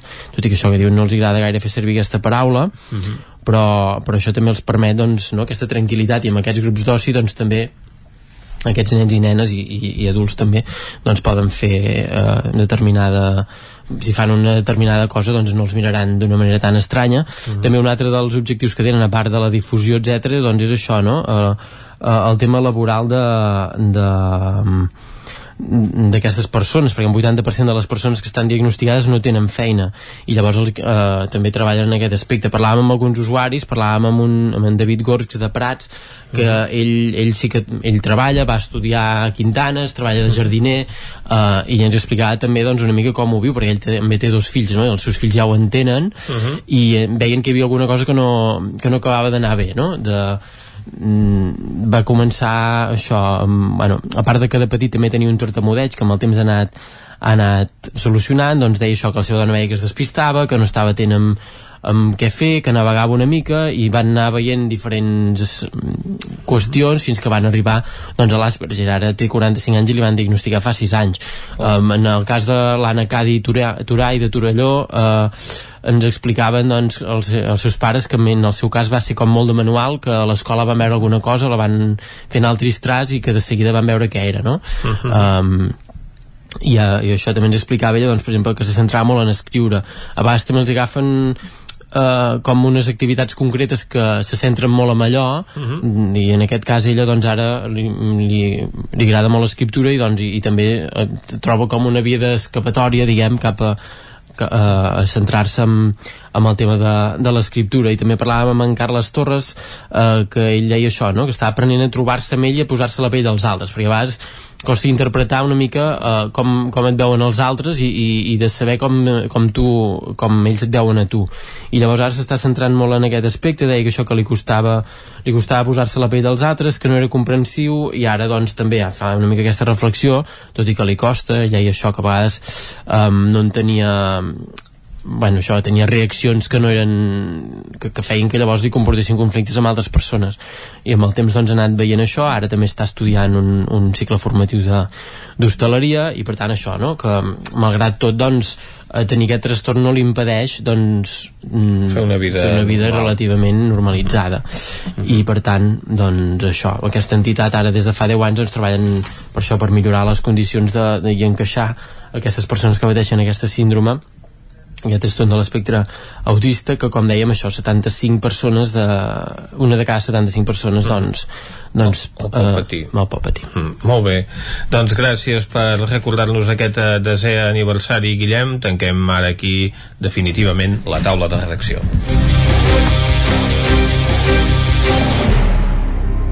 Territori 17 Busca't la vida amb Cela Falgueres. Exacte, Vicenç, tanquem la taula de redacció, que avui ha estat una mica així puzzle, eh? N'hem fet a, a trossets, ja està bé. Hi ha hagut alguna interferència pel mig internàutica. Bé, però ja està bé. I ara anem a Ah. parlar també de tecnologia. Exacte, i ho fem com cada dimarts amb la Txela Falgueres, aquí ja saludem ara mateix. Txela, molt bon dia. Molt bon dia. Us vull fer una pregunta. Tant. Teniu gat o gos o hàmster o lloro o algun animal de companyia? No, ara El, mateix el no. peix, un peix compta com a animal de companyia? Sí, un peix. Ah, doncs jo, jo tinc un Potser parell no té de una- peixets. Sí, potser no té una interacció molt No, ja puc assegurar. augmentada, però bé.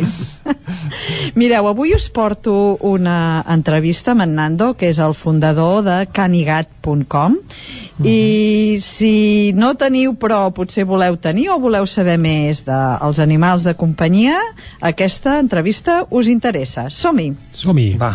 Explica'ns què és Canigat.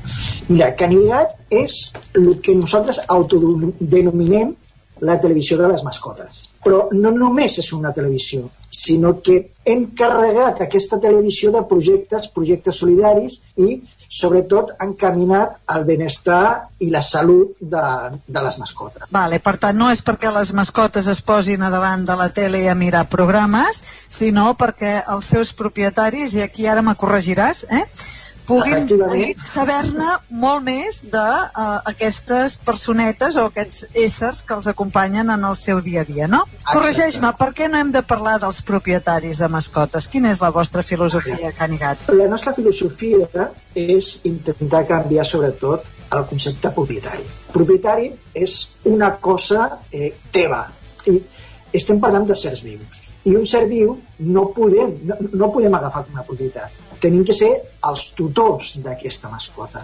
Al igual que quan som els tutors d'un nen, intentem que aquest nen tingui una bona salut, una bona educació, una bona alimentació, una bona socialització, doncs amb la mascota tenim que fer el mateix. L'hem de procurar que tingui uns bons cuidadors veterinaris, l'hem de procurar que tingui una bona socialització, és a dir, que convisqui amb els humans i amb els altres animals. També hem de procurar que tingui una bona atenció mèdica. Canigat intenti ajudar a que tu com a tutor puguis desenvolupar-te millor. Canigat ja dona una mica la pista del tipus d'animals, però a part de gossos i gats, de quins altres animals també doneu informació, consells i tot allò que cal saber per ser un bon tutor i perquè aquest animal tingui el màxim de benestar? Hem de reconèixer de que la majoria d'animals que la gent conviu a casa o animals que, que, que tenim en el nostre entorn són gossos i gats. Per això el nom de canegat. N'hi ha també altres animals i cada vegada n'hi ha més que són el que nosaltres denominem exòtics.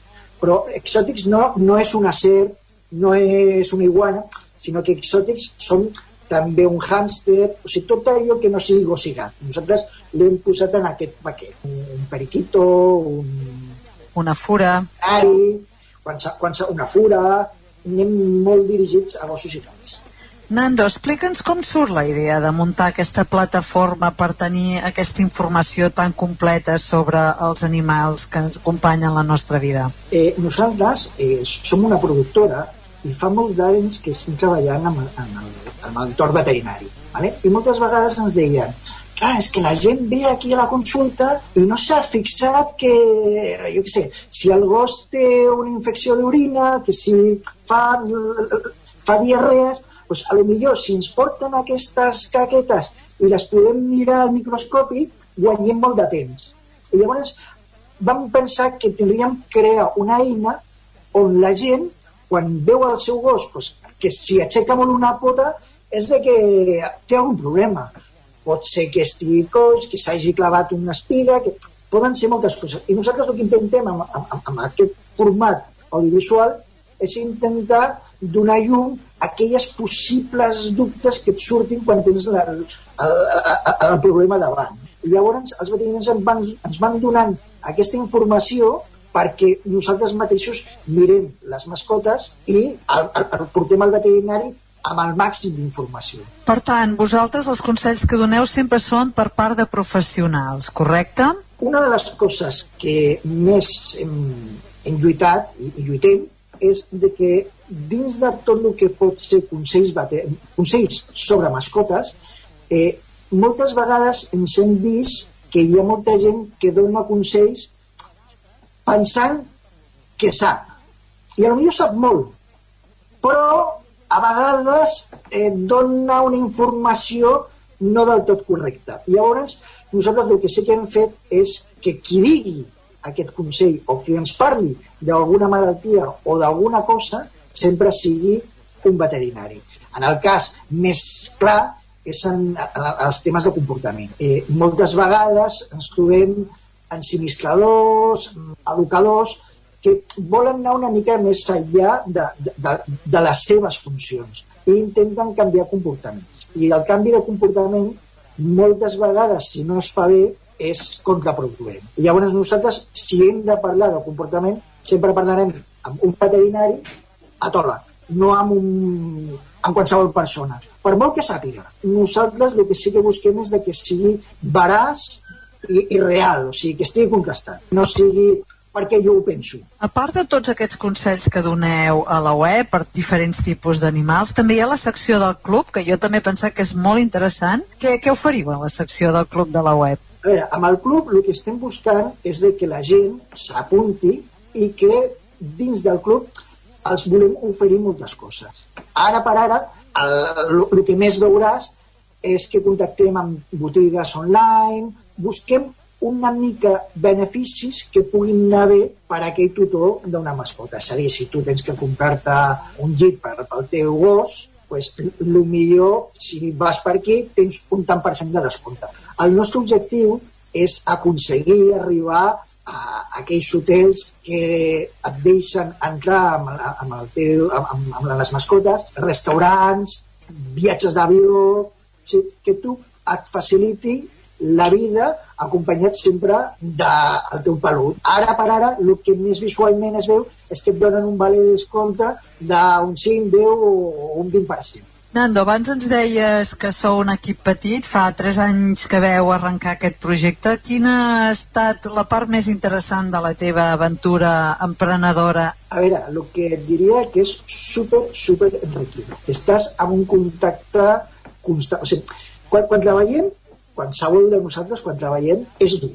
És molt dur perquè, vulguis o no, tens que lluitar i tens que aconseguir uns objectius perquè el teu projecte tiri endavant. O sigui, en aquest projecte, ara per ara, guanyar, guanyar, no ens guanya molt bé la vida, però ho disfrutem. I, i, i els contactes que fem i amb la gent que estem eh, és gent que, que vol col·laborar i que s'estima els animals.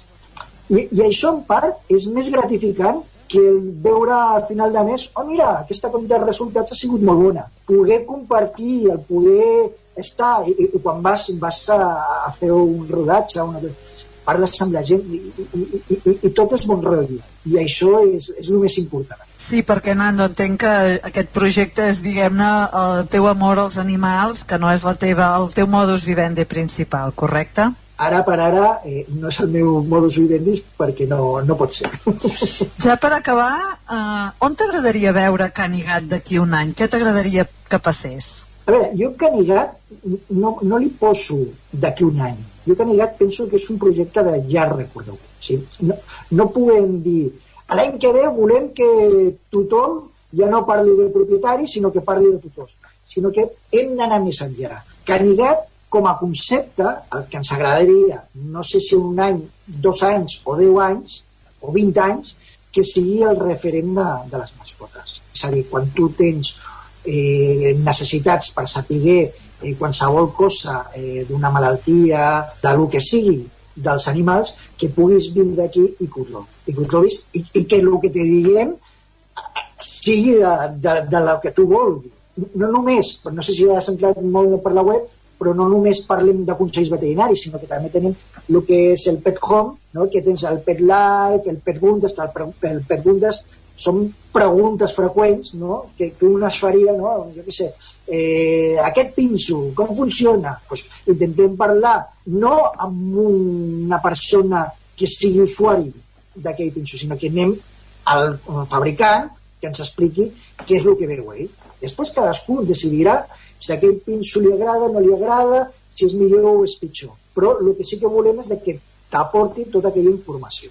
Després també tens en el Pet Life, ens hem apropat, doncs, per exemple, als Mossos d'Esquadra, la unitat canina, la unitat canina dels bombers, hem estat a alguna granja natura, hem buscat tot així, a l'aquari, vam estar gravant i, i ens van ensenyar una mica la part de darrere de, de l'aquari. No? Per exemple, en l'aquari, moltes vegades pensem, va, això és com un circ no, no, al darrere n'hi ha molta més cosa. Al darrere estan els biòlegs que estan investigant i que estan fent uns projectes que, com ells diuen, diu, ens trobem de que moltes vegades empreses d'aquestes no ens apoyen per poder desenvolupar investigació.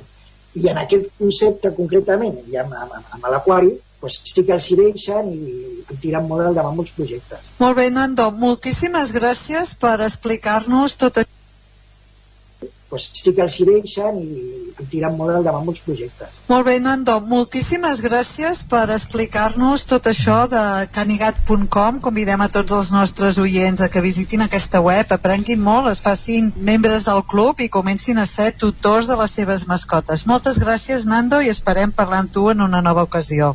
Moltíssimes gràcies a vosaltres. I ja sabeu, qualsevol cosa, aneu a la web i, i ens poseu les vostres consultes.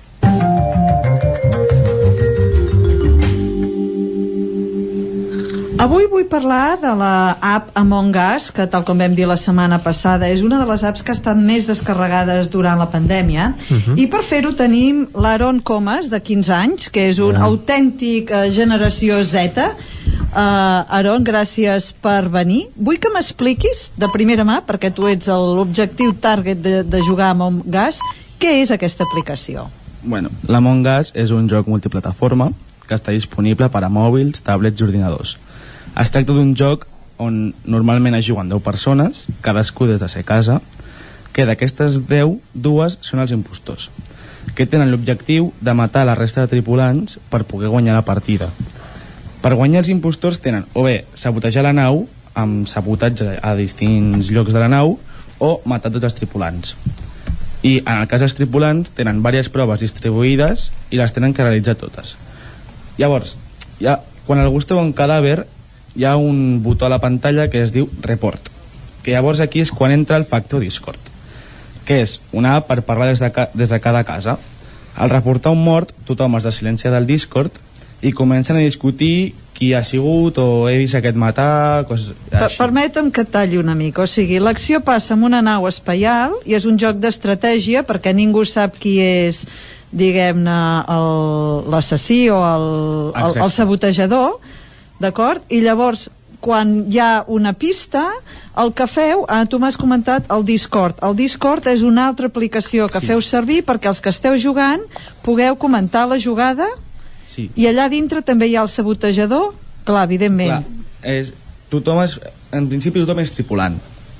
Llavors, a l'atzar, normalment segueixen a dues persones. I aquest, aquestes dues són els impostors, però ningú ho sap. És això a l'atzar i durant la partida la gràcia és que tothom està silenciat o si no pots escoltar ningú mentre estàs jugant a la partida. Llavors quan hi ha la reunió perquè hi ha un mort ja, ja tothom es silencia i comencen a discutir qui, qui ha sigut l'assassí o coses així. I l'assassí es té que defendre. A qui, a qui culpen es té que defendre i això és, és el joc així. Quant, quant temps pot durar una partida d'Among Us? Mm, entre 2 i 12 minuts més o menys tan ràpid és de descobrir sí, sí. perquè te'n vas aprenent i cada vegada és més fàcil d'identificar perquè... les pistes o depèn també de si... És depèn del nivell de la partida depèn de si hi ha gent molt experimentada o si hi ha gent molt principiant Tu quan vas començar a jugar a Among Us? Com vas descobrir aquest joc? Jo ho vaig descobrir a base d'un streamer, de l'Ibai que va, sí. va, va començar a jugar aquest joc i em va agradar i me'l vaig instal·lar, li vaig dir meus amics i ens vam posar a jugar per, en, durant l'estiu i tal. Vale, l'streamer Levi és un personatge, és una persona molt famosa a internet amb la generació jove que es dedica a comentar vídeos de YouTube o es dedica a, a, a jugar i mentrestant fa servir també aquesta altra aplicació que heu dit que és el Discord que serveix per interactuar amb els usuaris. I ja no només ell, també hi ha futbolistes professionals Agüero, Neymar, Courtois hi ha molta gent famosa que juga i això ha sigut també una repercussió pel joc perquè clar, els nens joves de la meva edat, 15-14 anys, veuen a un jugador professional, Neymar, per exemple, que està jugant, i només pel fet de que jugui ell ja també els hi causa com curiositat jugar aquest joc, saps? És imprescindible que juguin 10 persones. No és imprescindible, però és el millor per poder fer una partida. I uh, si no tens aquests 10 jugadors, uh, pots seguir jugant igualment? Sí, mínim es té que ser 4 i si no, el joc te pot assignar jugadors anònims i fa sí, un equip? també hi ha partides públiques que tu entres i en comptes de per Discord hi ha un chat per escriure i per allà pots parlar amb, amb, amb gent anònima. Molt bé, hem descobert doncs què és Among Us, la, la gràcia del joc. Aaron, si haguessis de posar-li una nota de l'1 al 5, quina nota li posaries en aquesta aplicació? Un 5. Un 5? Mm. Molt bé, doncs moltes gràcies. Anem a les notícies de la setmana.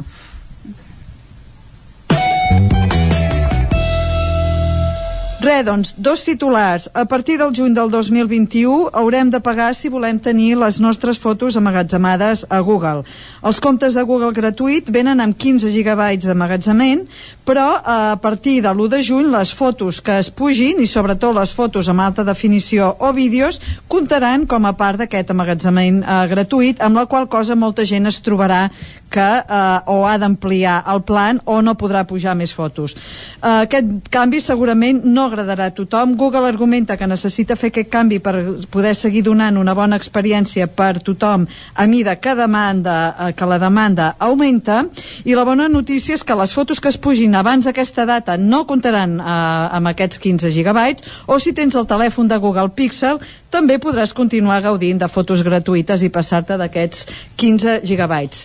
Per acabar, per acabar WhatsApp va. Business potencia la venda dins del xat amb un botó. Si teniu un compte de WhatsApp Business, activeu el vostre catàleg i mentre tingueu una conversa amb els vostres usuaris podran clicar al botó de comprar, visitar el catàleg i saber més dels vostres productes. Fins aquí el programa d'aquest dimarts. Us emplaço a que ens retrobem el dimarts que ve. Doncs, Xela, moltes gràcies i fins dimarts que ve.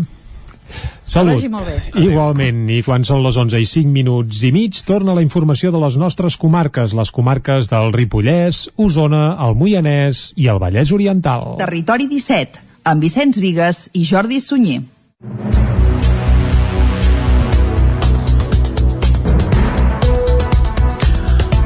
Un equip del 9-9 i el 9-TV ha entrat a la unitat de cures intensives i a les plantes on hi ha les persones ingressades per Covid-19 de l'Hospital Universitari de Vic. Aquest dimarts s'estrena el reportatge que explica quina és la situació actual de la pandèmia a la comarca i com es viu la seva gestió entre habitacions, box i llits d'hospital. En l'especial també es recull el testimoni d'alguns professionals sanitaris que estan a primera línia, així com les explicacions del dels qui s'encarreguen de gestionar els efectes de la pandèmia a Vic i a Osona. Tot i que la incidència del virus ha anat disminuint els darrers dies a la comarca, l'hospital està al límit i ja no pot assumir més pacients crítics, entre d'altres motius, per la manca de professionals. Del tancament de la planta de Prismian a Manlleu n'han quedat o en quedaran afectades 334 persones. D'aquestes, 196 van sortir de l'empresa fa uns mesos i 119 han seguit el programa per trobar feina. Una de les premisses de l'acord del tancament negociat amb el comitè era que l'empresa es fes càrrec de recol·locar un mínim del 70% dels treballadors. Dels 119 que han seguit el programa, 71 han trobat feina, 17 estan en la fase de recerca activa i 31 més activaran la recerca de feina més endavant. Els que ja han trobat feina representen un 60% del total i sumant els que estan en recerca activa ja superarien el 70%, unes xifres que el regidor d'Indústria a Manlleu, David Bosch, valora molt positivament aquest percentatge de, de recol·locació és positiu, ens agradaria que fos el 100%, no? tot i que bueno, també hem de tenir en compte doncs, que, que cada, cada professional també pren les seves decisions sobre eh, des de les ofertes i, i la formació que vol, que vol seguir, eh, evidentment. Bosch també apunta que les negociacions amb una de les empreses interessades a comprar la planta estan en una fase avançada. Hi ha diferents ofertes de, per reindustrialitzar aquest espai i hi ha negociacions força avançades, passa que d'alguna manera per, per discreció bàsica no podem, no podem fer públiques. Eh? El regidor d'Indústria es mostra optimista i espera que aviat puguin anunciar una oferta de producció industrial al Cordó. Primera reunió entre els alcaldes del Moianès i el conseller de Territori i Sostenibilitat per parlar de les obres de millora de la C-59. Caral Campàs, des d'Ona Codinenca. El conseller de Territori i Sostenibilitat, Damià Calvet, s'ha reunit telemàticament amb alcaldes del Moianès per tractar sobre el projecte de millora de la carretera C59 al seu pas per la comarca. El departament té en fase inicial de redacció el projecte constructiu d'aquesta actuació per afavorir la seguretat viària i la comoditat en la conducció. S'ha estimat una inversió d'un milió i mig d'euros. El projecte es preveu que estigui enllestit durant l'estiu vinent i posteriorment es procediria a licitar les obres corresponents. En aquest sentit, Damià Calvet ha subratllat la voluntat de treballar conjuntament amb els municipis en la definició de les actuacions necessàries per l'acondicionament del tram de la C-59 entre Sant Feliu de Codines i Mollà amb una especial atenció pel que fa a la seguretat viària i el confort en la conducció. El projecte abasta una longitud de 13 quilòmetres entre el final de la zona urbana de Sant Feliu de Codines fins a la intersecció amb la carretera N141C a Mollà. Les actuacions que s'inclouran són principalment la millora del ferm i la construcció de cunetes trepitjables que permetrien donar un sobreample a la carretera. Això es complementarà amb l'adequació de la senyalització i la millora de les barreres de seguretat. Per altra banda, també estan estudiant poder millorar dues interseccions, la de Castellterçol i la de Mollà. Són encreuaments que donen accés a zones industrials i caldria millorar les condicions de seguretat en els trams d'avançaments i de punts d'accés a la carretera. La CUP de Cardedeu va celebrar la setmana passada una assemblea oberta per fer valoració sobre com s'està desenvolupant l'acció de govern sorgida de l'acord amb Esquerra i del Pla d'Acció Municipal. La trobada es va fer de manera telemàtica per poder garantir les mesures de seguretat. David Oladell, de Ràdio Televisió Cardedeu, les assemblees obertes són una eina essencial per la CUP, formen part del seu ADN i creen un espai participatiu on poder debatre entre totes. És per això que les limitacions per la crisi sanitària de la Covid-19 no han estat un problema per realitzar una trobada més on posar de manifest totes aquelles coses que cal millorar i les que s'estan fent bé. La CUP va perdre 350 vots en les darreres eleccions municipals, les de fa un any i mig i en aquell moment, quan van haver de tornar a pactar amb Esquerra, ja es van fixar amb uns objectius i unes condicions que ara s'han posat sobre la taula per valorar si s'estan seguint els camins adequats. La lectura de les darreres eleccions va ser la pèrdua de 350 vots, quedar-se amb dos regidors, la invisibilització de la tasca de la CUP al govern i la consolidació de l'espai polític de l'esquerra independentista. Això es va traduir en tres prioritats polítiques, que són assegurar la visibilitat de la tasca de la CUP, donar continuïtat als projectes començats i garantir una incidència del partit en un eventual govern de coalició. Després de la trobada des de l'organització valoren de manera positiva poder-se trobar les persones simpatitzants del projecte i escoltar les seves aportacions per seguir treballant i posant el seu granet de sorra per transformar el municipi des d'una perspectiva socialista, feminista, independentista i ecologista. Planoles canviarà tot l'enllumenat del municipi a llums de LED a principis del 2021. Isaac Muntades, des de la veu de Sant Joan. L'Ajuntament de Planoles té previst iniciar el projecte de canvi d'enllumenat de tot el municipi a llums LED a partir de l'any vinent. Aquesta actuació ja estava prevista per la Diputació de Girona des de l'any 2018 i es farà realitat ben aviat, segons va explicar l'alcalde de Gent per Planoles, David Verge. Planoles, les casetes i després els, els veïnats que tenim.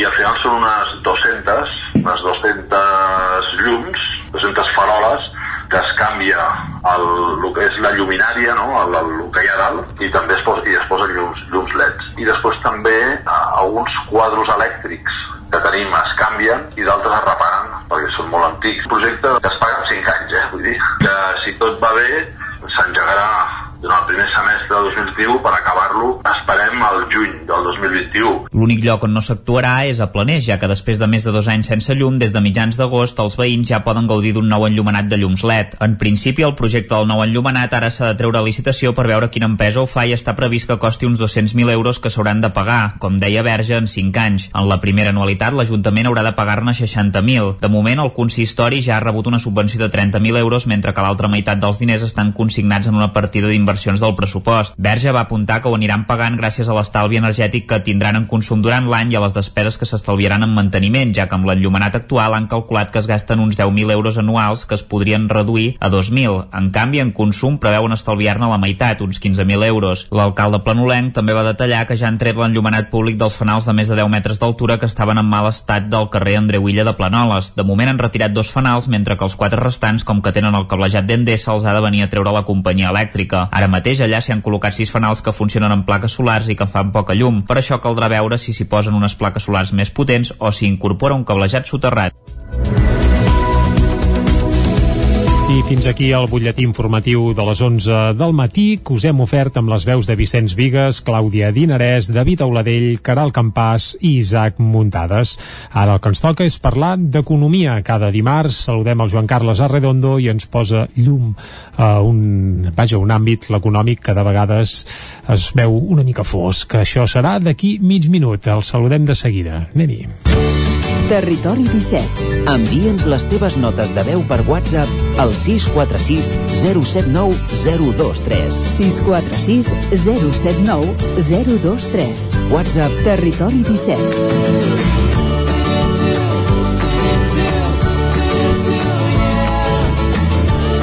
Territori 17. Som a Facebook, Twitter i Instagram amb l'usuari Territori 17.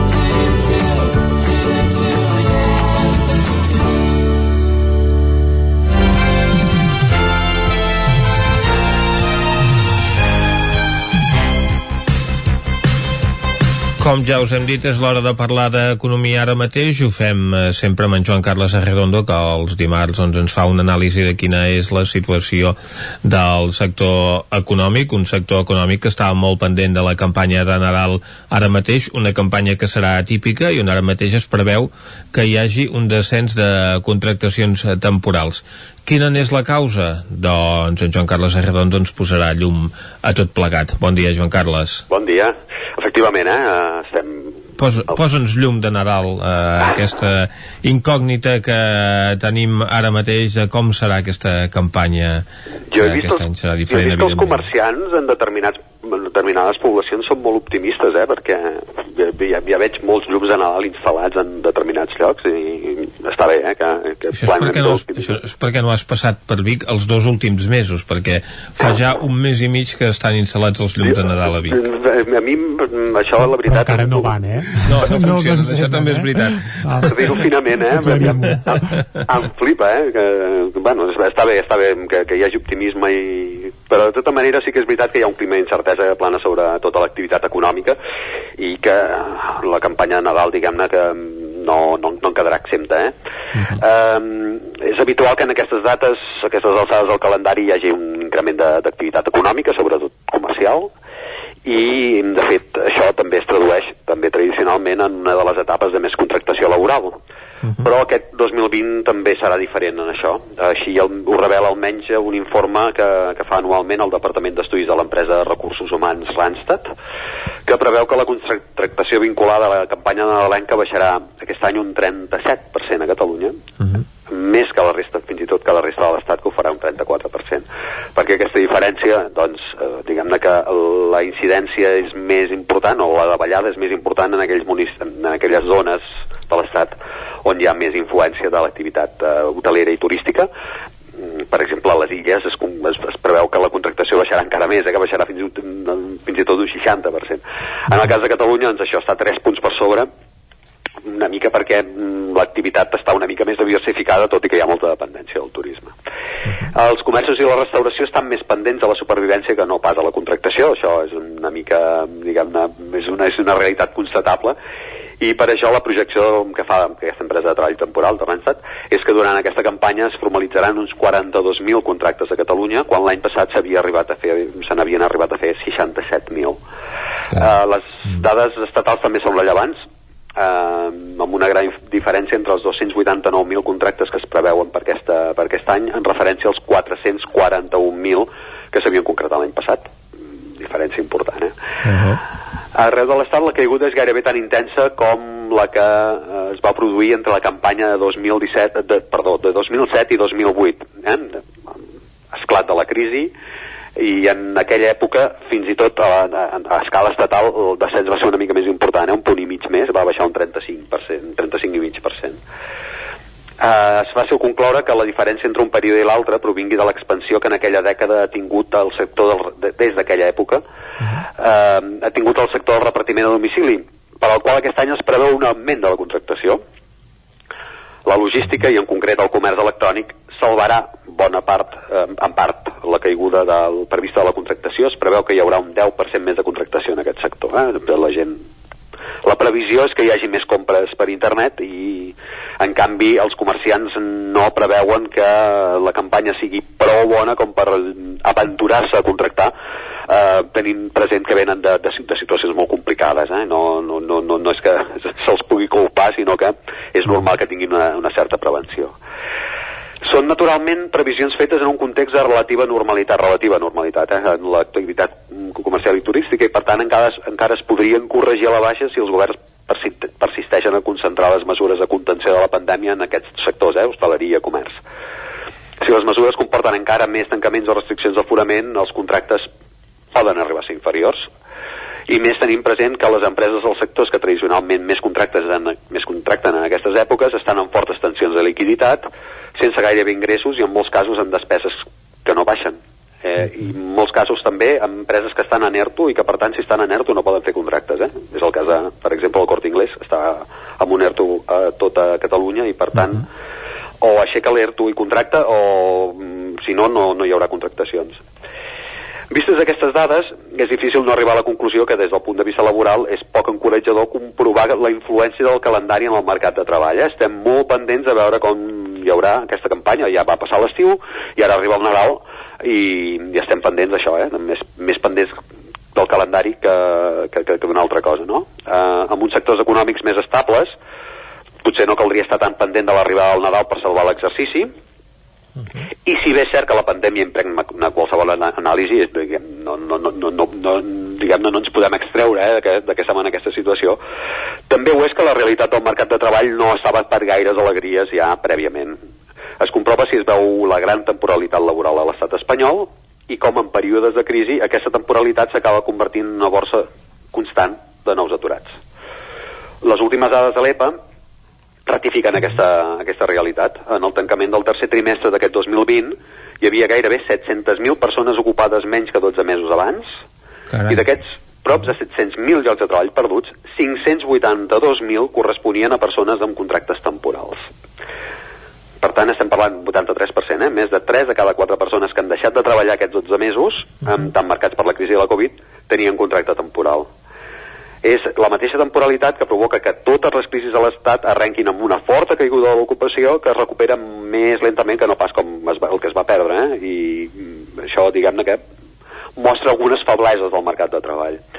És cert que en el cas actual molts dels treballs indefinits s'han pogut conservar per l'existència de les regulacions temporals, però la diferència és molt contrastable. Eh? El total de treballadors amb contracte temporal ha baixat un 13% respecte a fa un any i el de contractats indefinits ho ha fet menys d'un 1%, eh? un 0,80. Eh, de manera que hi ha molta diferència entre tenir aquest, això que sempre es critica tant, eh, de la dualitat del mercat de treball a l'estat espanyol, doncs diguem-ne que mm, a vegades es tradueix mm, només mirant les dades, no? El mercat laboral espanyol depèn de temporades com la turística d'estiu o la de Nadal, a l'hivern, perquè el volum de treball temporal és superior a la mitjana europea. En comparació amb altres països de l'entorn, arriba fins i tot a doblar el percentatge. Ara, fins i tot després d'haver perdut aquests 582.000 treballadors en contracte temporal, la temporalitat arriba al 24% total del, del total de salariats, eh, quan la majoria de països d'Europa estan entre el 13 i el 15%. Eh? Abans de, de la pandèmia només Polònia superava l'estat espanyol en, en temporalitat en el mercat de treball. També és important destacar que hi ha 16 persones, de, un 16% de les persones mm, que tenen feina que treballen a temps parcial, la majoria de les quals són dones, per cert, que això també és una, un aspecte que seria convenient revisar. Les previsions de la campanya de Nadal, tot i l'efecte laboral de la Covid-19, té a veure amb el subsat del mercat de treball que hi havia abans de l'esclat de la pandèmia. És ben cert que l'atzar ha posat l'economia en general en una situació de tensió sense precedents, però quan l'estat espanyol és els que presenta pitjors números, mm, no és tot atribuïble a l'atzar. Eh? Eh, per tant, si quan arriba el Nadal cal estar pendent de quants contractes es faran, és que s'està massa pendent del moment i el repte hauria de ser no haver de mirar el calendari quan arribi una crisi. Eh? eh Diguem-ne que eh, ara mateix el context en el qual ens ha situat eh, en aquesta pandèmia és estar molt pendent del calendari. Eh? Tothom estava pendent de l'estiu, ara s'està pendent del Nadal. Mm, I jo crec que es pot culpar de moltes coses la, la pandèmia de la Covid, però també s'hauria de començar a revisar quines coses s'estaven fent malament com perquè siguis el que acaba sortint més borrós a la foto. Eh?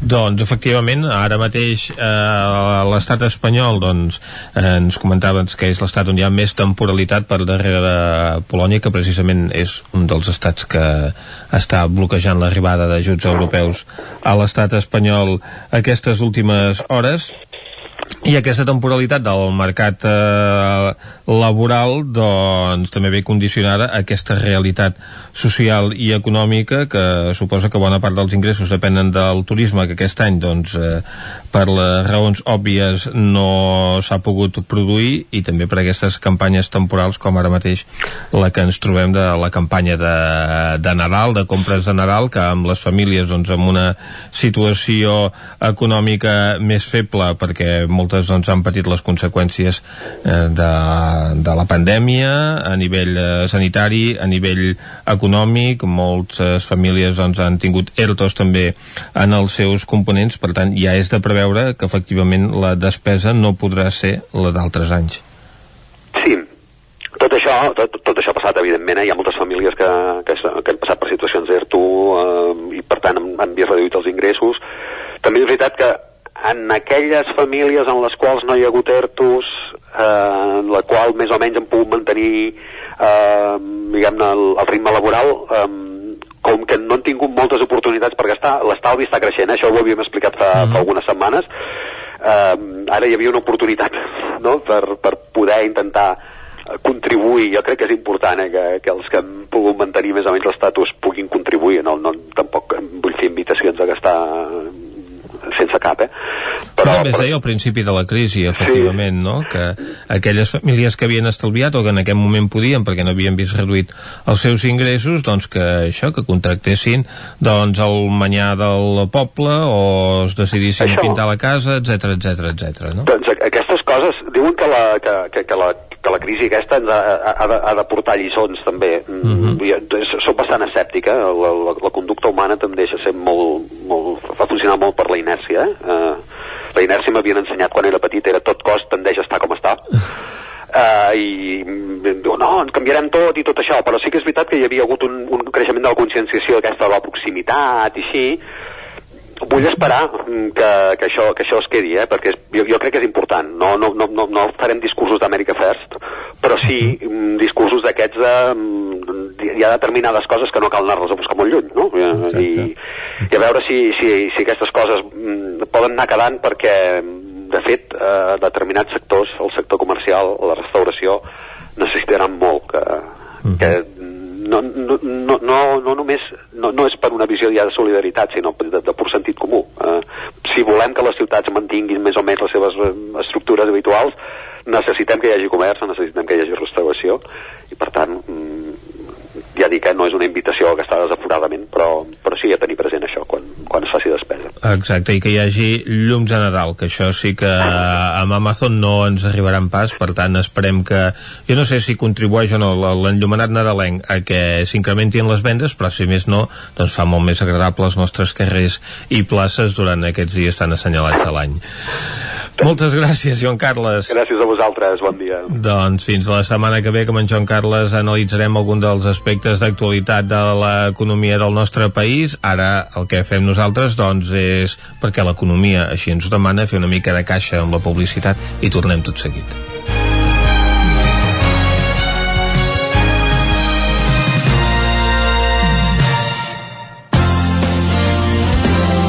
El nou FM, la ràdio de casa, al 92.8. Dilluns 23 de novembre, el 9FM celebra 10 anys de ràdio, fent un programa especial a benefici del Banc de Sang i Teixits. Per venir a donar sang a la seu del 9-9, de dos quarts de 5 de la tarda a les 8 del vespre, truqueu al 677 071 756 o apunteu-vos a donarsang.gencat.cat 677 071 756. Dilluns 23 de novembre, programa especial de 10 anys del 9FM, a partir de dos quarts de 5 de la tarda. El 9FM, 10 anys, compartint ràdio. No em trec la imatge dels nens amb cara de velocitat baixant per la pista vermella. Sí, molt divertit. I quin fred. Uh. Tranquil·la, he deixat l'estufa encesa i la casa està calenta. Sempre tenim sort de comptar amb Corretja. Són especialistes en aïllaments i estufes. Acabar la jornada d'esquí amb la família al voltant de l'estufa i amb aïllaments de primera és 100% corretja. Corretja, tot i més a corretja-sl.com. Cocodril Club. Si t'agrada la bona música dels anys 60, 70 i 80, escolta el 9 FM als matins de dissabtes i diumenges d'11 a 1. És el temps del Cocodril Club, tot un clàssic de la ràdio, amb les bases del pop-rock, les llegendes, les cançons que s'han convertit en autèntics himnes. Recorda, dissabtes i diumenges al matí, d'11 a 1, al 9 FM 92.8. Cocodril Club, el programa revival de l'Albert Malla. Hasta luego, cocodrilo. Cobertes serveis funeraris. Els nostres tanatoris estan ubicats en els nuclis urbans més poblats de la comarca d'Osona per oferir un millor servei.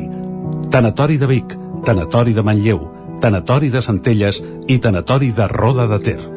Sabem que són moments difícils i per això el nostre compromís és atendre-us en tot moment amb un tracte humà, sensible i respectuós. Cobertes serveis funeraris.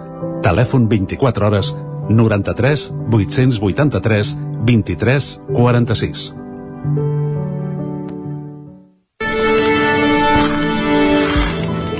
L'Auditori Teatre de Call d'Atenes presenta Paraules encadenades, de Vitó. El 28 de novembre a les 9 del vespre, Paraules encadenades, a l'Auditori Teatre de Call d'Atenes. Cada territori té un atractiu o més d'un. El fruit, el paisatge, la seva gent, les pedres... Camins de l'Eix. Descobrint el capital de terra endins. Camins de l'Eix, dissabte a les 9 del vespre al 9 TV. Aquesta setmana, Montrebei, amb el suport de la Generalitat de Catalunya. 7 milions i mig de futurs. El 9 FM. La ràdio de casa al 92.8.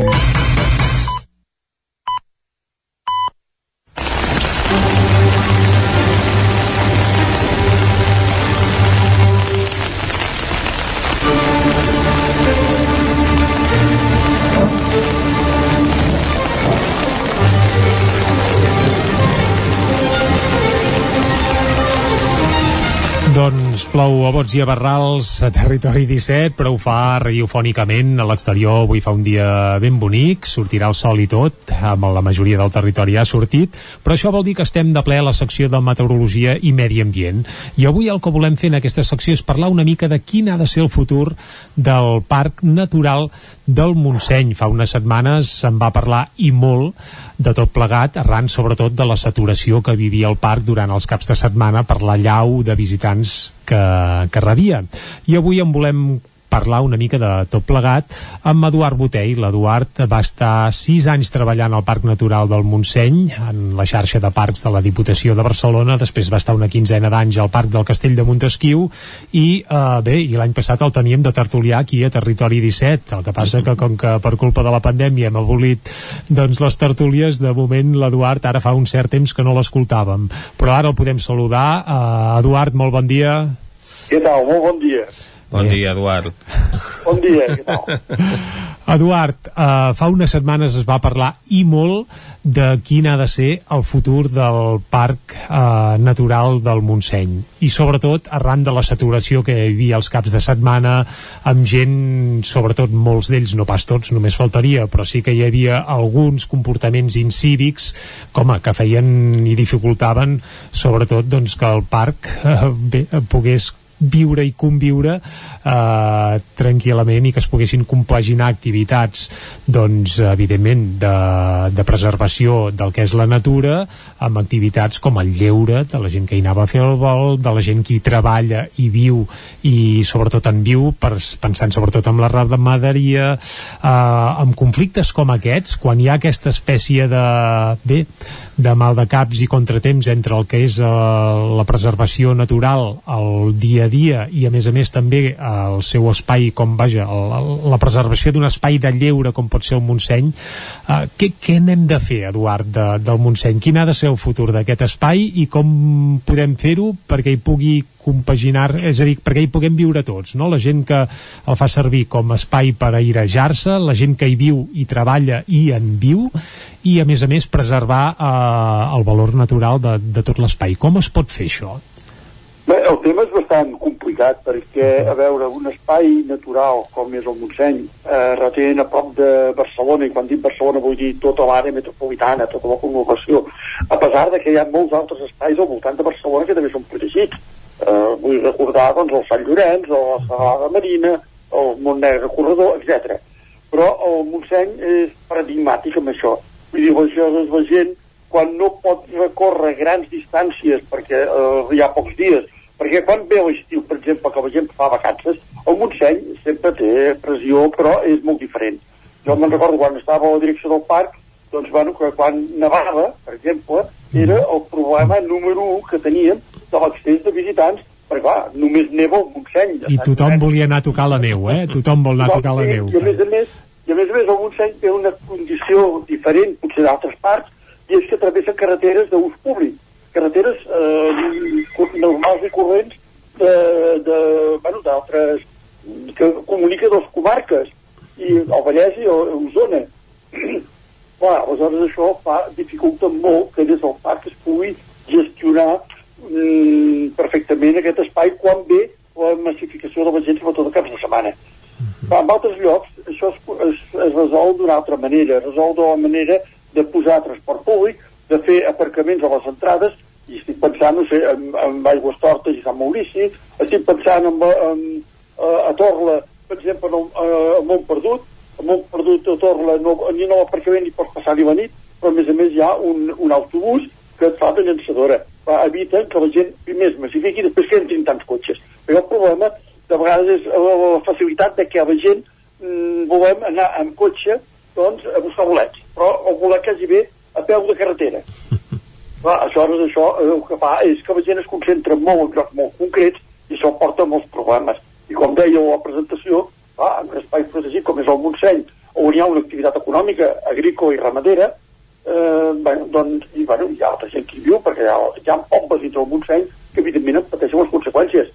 Quan els restaurants són oberts, també són aquesta activitat econòmica i també se'n beneficia. Vol dir que aquí també hi ha contraposicions d'interessos, perquè per una banda el ramader i l'agricultor voldria dir, escolta, no, no em fan cap bé que vingui aquesta gent, però clar, el que té un restaurant, el restaurador, aquest diu, home, si venen, benvinguts siguin. Bueno, aquí hi ha la gran, el, el gran dilema d'aquests espais i a sobre ho hem de protegir. Hem de protegir els béns naturals que ah, la massificació també doncs, condiciona doncs, tot, aquest, eh, tot aquest medi natural. Uh -huh. Home, segurament, Eduard, aquesta gent doncs, que va als restaurants al Montseny a consumir, consumeix aquells animals que han estat eh, criats a la pròpia muntanya. És a dir, que d'aquí se'n beneficien tots, no?, també. Bueno, a veure, els animals que es crien a la pròpia muntanya, evidentment, a veure, hi ha els ramats de xais que poden... Però normalment, a veure, els xais abans podien ser de molta proximitat, poden, -huh. poden ser-hi, eh? no vull dir que no, però clar, normalment ara es mata amb escorxadors. Vol dir que el, el bestiar, quilòmetre zero, a veure, lògicament no existeix, perquè, vulgues o no, per matar aquest bestiar has de fer quilòmetres. I mm -hmm. per portar el bestiar mort t'has de tornar a fer.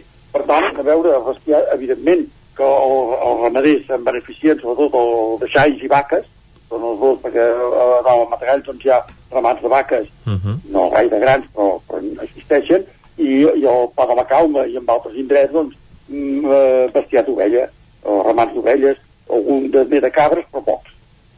Uh, Eduard, potser el gran problema que hi ha ara respecte, per exemple, quan tu uh, duies la direcció del parc és l'incivisme d'alguns d'aquests visitants que, que, vaja, que visiten el Montseny això fa una desena d'anys potser no es donaven casos com els que hem viscut bueno, els que van viure sobretot fa això, fa un meset arran d'uns caps de setmana de sobresaturació a tot l'espai del Montseny aquest incivisme uh, ha anat a més?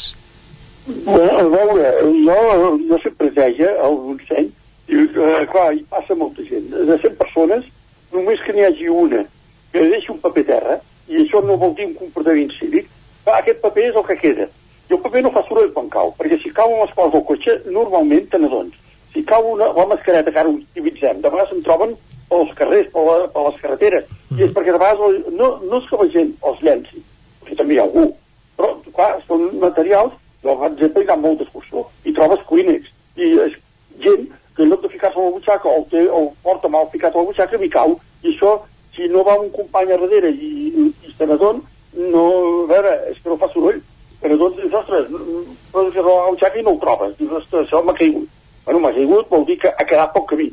Bueno, clar, aquests comportaments doncs, eh, a veure, eh, existeixen el, el, el problema potser més que, perdona, Eduard, més que el clínex que cau o un paperet és la gent que aparca on no ha d'aparcar, per exemple, Ah, bueno. en parcs de pastura, que això s'havia donat i molt aquests caps de setmana als quals fèiem referència, gent que va amb gossos eh, doncs precisament sense lligar i que poden ocasionar danys als ramats. Això són situacions que, que s'han viscut evident- últimament. Evidentment, evidentment, evidentment aquests comportaments també existeixen quan, quan està massificat la gent deixa el cotxe on pot. Eh, de vegades els aparcaments queden plens, perquè els aparcaments va, no, no estan calculats per aquestes massificacions. Nosaltres havíem fet bastantes àrees d'aparcament, però va arribar un moment que això és insuficient.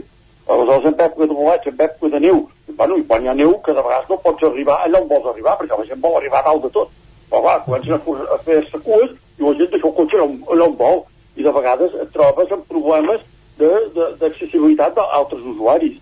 Gent que de Sant Celoni vulguin anar a Viladrau han de passar per Santa Fe. Santa Fe normalment sempre queda col·lapsat. Collformic, tres quartes parts del mateix. Collformic vam, vam, es va ampliar l'aparcament ja típic al costat de la carretera al mateix coll, però a pocs metres hi ha un altre, un altre aparcament que, a veure, que vegades també queda col·lapsat.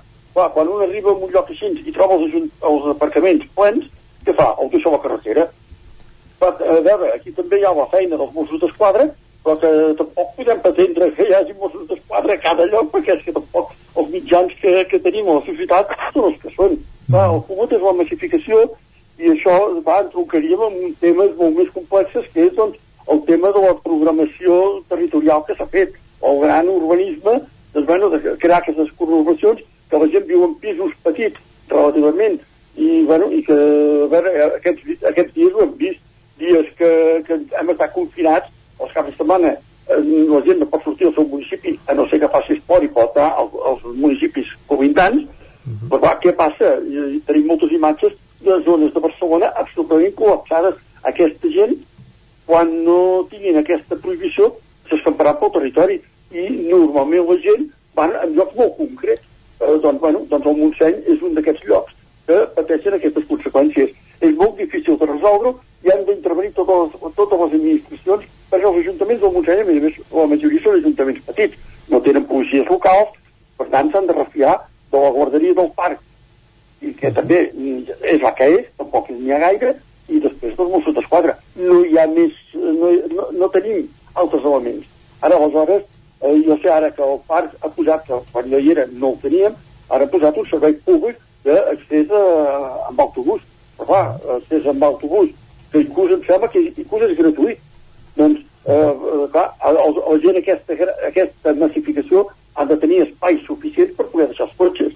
Si és a Sant Celoni, si és a Campins, si és a llocs així, perquè normalment eh, la gran entrada del parc ve pel cantó sud, pel cantó de Sant Celoni, pel cantó de Ceba, pel cantó de Viladrau, eh, és poca la gent que arriba. N'hi ha, però, en proporció, si és un 10%, o, o la part nord, o un 90% és de la part sud. Mhm. Tot i que dir també... que és Barcelona i tota l'àrea metropolitana que, que és el que ens fa aquesta pressió. Mhm.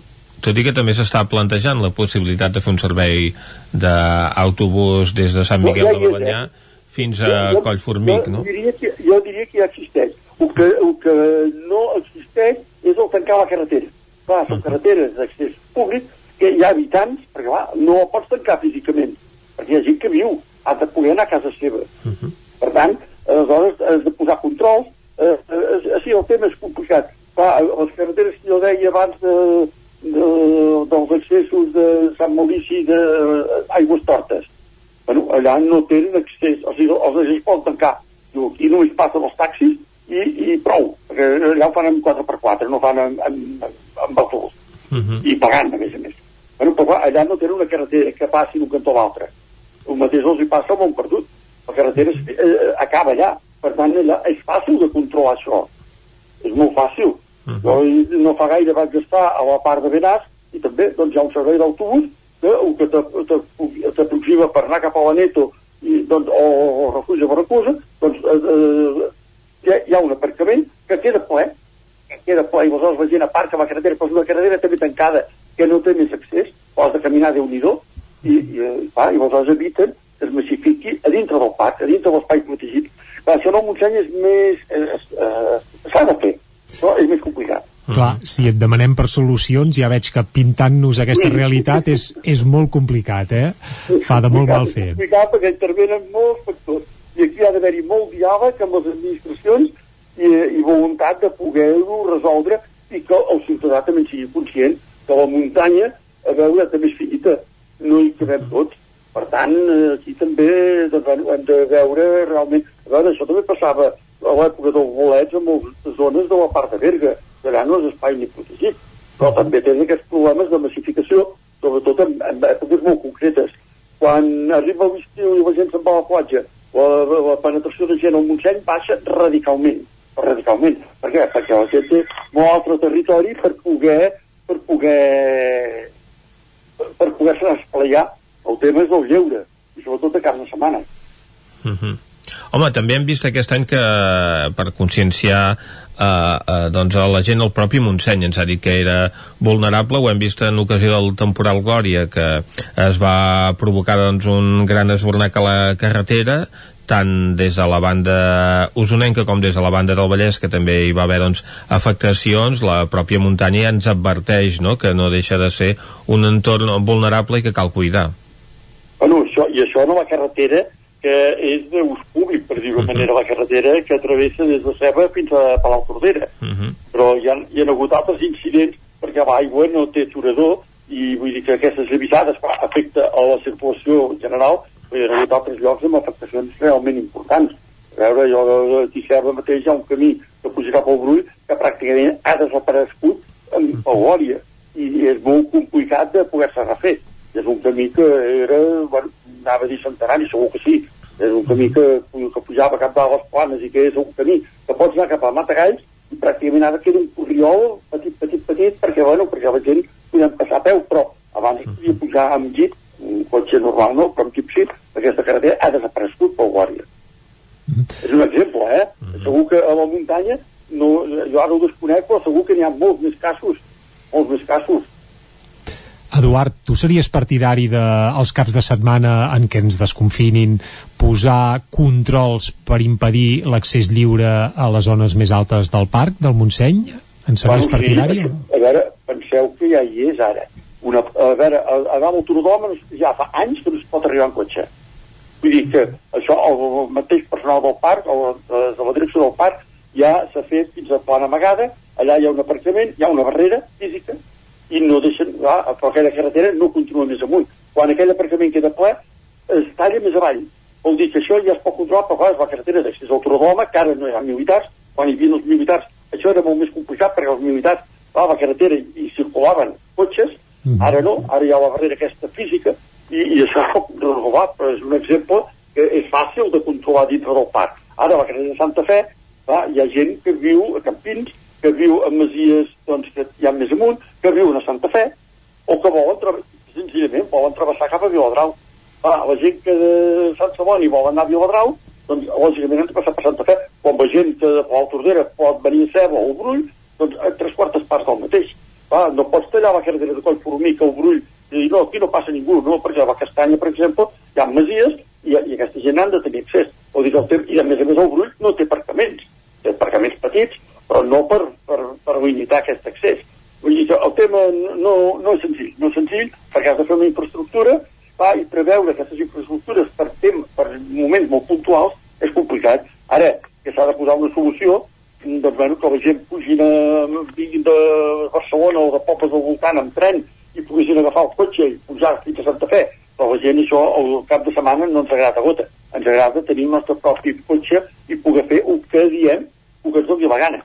I això tampoc, eh, també, bueno, també és complicat.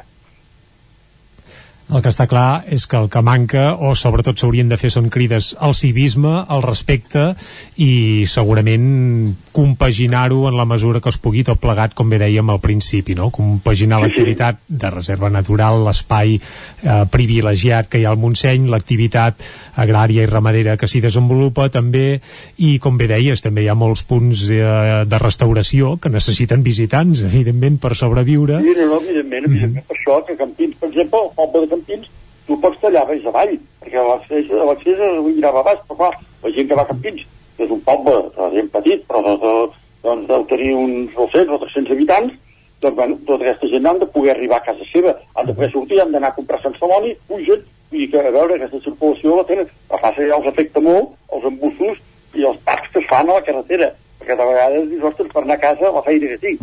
Però, bueno, ara la massificació sempre porta problemes tant de neteja com de comportaments, a veure, qualsevol lloc que hi hagi massificació després has d'anar a netejar. A veure, eh, i això passa en zones urbanes, passa, no sé, en partits de futbol al camp del Barça, que hi ha molta gent, que dius, coi, això no s'embruta. Bueno, després hi ha papers, hi ha coses per terra, bueno, mm, per què? Perquè el nostre comportament és així, i després s'ha de netejar. Ja no, ja no parlo d'un mercat, que evidentment després has de netejar el mercat de Vic, per exemple, mm -hmm. després del mercat has de passar les escombradores i has de passar a la brigada a netejar tot allò, perquè al migdia a la tarda quedi allò en perfectes condicions. I això passa a tots els pobles i passa tot arreu. Clar, quan es massifica així, a part de comportaments incívics, que això també hi són, són minoritaris, però també hi són, però clar, això comporta, a veure, les papereres queden plenes. I no et dic res si és un dia de vent. Perquè clar, les papereres a la que posa un paper i és un dia de vent, és que, bueno, és que s'escampa per tot arreu. Mm. Ah, dius, ostres, quin incivisme. Bueno, sí, però si tot això comporta, les papereres no poden estar del tot tancades. Bueno, els containers sí. Containers també estan en llocs eh, situats perquè la gent no hi pugui tirar papers, perquè fa la recollida selectiva. Ah, aleshores, tot això, imagina't si és complicat tot el tema. No, vull dir que, ara, jo, jo diria que per part de l'administració, en aquest cas de la Diputació de Barcelona, però també de Generalitat i de Mossos d'Esquadra i de gent rurals, els gent rurals que també de vegades són els grans oblidats, jo penso que també fan una feina dintre de les seves possibilitats, tampoc tenen massa elements, però fan una feina encomiable per anar resolent aquests temes. Ara, ens hem d'acostumar a anar amb transport públic, sobretot els llocs que hi ha tanta gent, i evitar doncs, aquestes massificacions amb cotxe. Eh, S'ha d'evitar. Evidentment. Eduard, moltes gràcies per ajudar-nos a, ajudar a reflexionar una mica sobre quin ha de ser el futur del Parc Natural del Montseny. Ja sabem que és molt complicat, es van viure unes escenes així una mica gairebé, podríem dir, dantesques, dantesques fa uns caps de setmana amb una sobresaturació que no és gens recomanable, però és evident cap al futur del parc i bé, de tota la zona del Montseny estaria bé trobar les eines per poder fer compatible tant l'ús lúdic de l'espai com a l'ús també econòmic de la gent que en viu, sobretot ramaders i agricultors i per què no dir-ho també gent del món de la restauració. Esperem que properament i ben aviat es trobi l'entrellat a tot plegat i que es pugui fer compatible els diferents usos que té el parc. Moltes gràcies, Eduard, per acompanyar-nos avui a Territori 17. Vosaltres, gràcies. I fins aviat. I fins aviat, exacte. I fins aviat. T'esperem aquí de seguida que sigui possible. Ho esperem, encara que sigui amb mascareta. Exacte.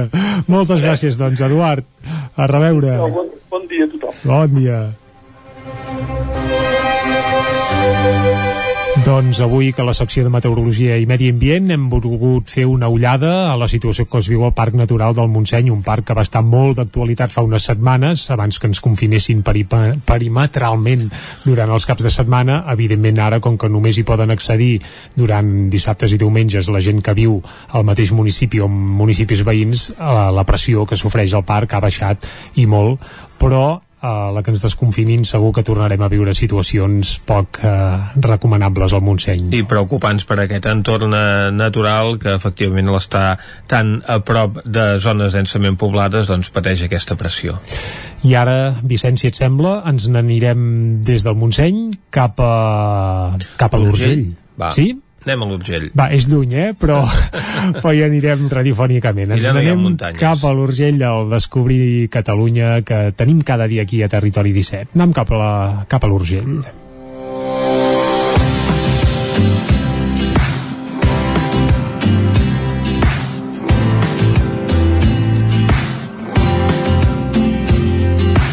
I avui seguim amb la comarca de l'Urgell i ho farem descobrint dos dels seus municipis, Agramunt i Bellpuig. La vila d'Agramunt és el centre geogràfic i la població capdavantera de la Ribera del Sió, una comarca natural situada en el punt de confluència de l'Urgell, la Sagarra i la Noguera. La Ribera, que té com a eix el riu Sió, és una llenca de terreny allargada en direcció est-oest, amb horitzons dilatats cap a límits imprecisos en la seva primera meitat i ben delimitada d'Agramunt, en avall per les serres de Montclar i Almenara, al nord i sud respectivament. Agramunt és la segona vila en importància de la comarca de l'Urgell, situada al peu del riu Sió, al nord de la comarca. És una vila industrial de serveis i agrícola, molt coneguda per les seves fàbriques de torró i xocolata. Són importants també les seves indústries metal·lúrgiques. El municipi de Gramunt està configurat a redós de l'actual vila i dels pobles agregats del Manera Alta, Dolzell d'Urgell, Mafet, Montclar d'Urgell, Les Puelles i Rocabertí de Sant Salvador. En els antics pergamins, el nom de la vila figura com a Acrimontis. Es tracta d'un mot compost derivat de dues expressions llatines, agri, representatiu de terres, i mont, equivalent a la muntanyeta, tossal, etc. Segons aquesta interpretació, Agramunt significa muntanyetes de terra o bé terra, país indret de muntanyetes. Bellpuig s'assenta a l'oest de la comarca de l'Urgell, on les serres fan pendent cap a la plana. És la tercera vila en importància de l'Urgell després de Tàrrega i Agramunt. El canal d'Urgell defineix una important zona de regadiu en el seu terme i proveeix el poble d'aigua potable. Les rieres del Corp i de la Conca drenen les terres regades pel canal. El poble de Seana és una entitat municipal descentralitzada però depèn del municipi de Bellpuig.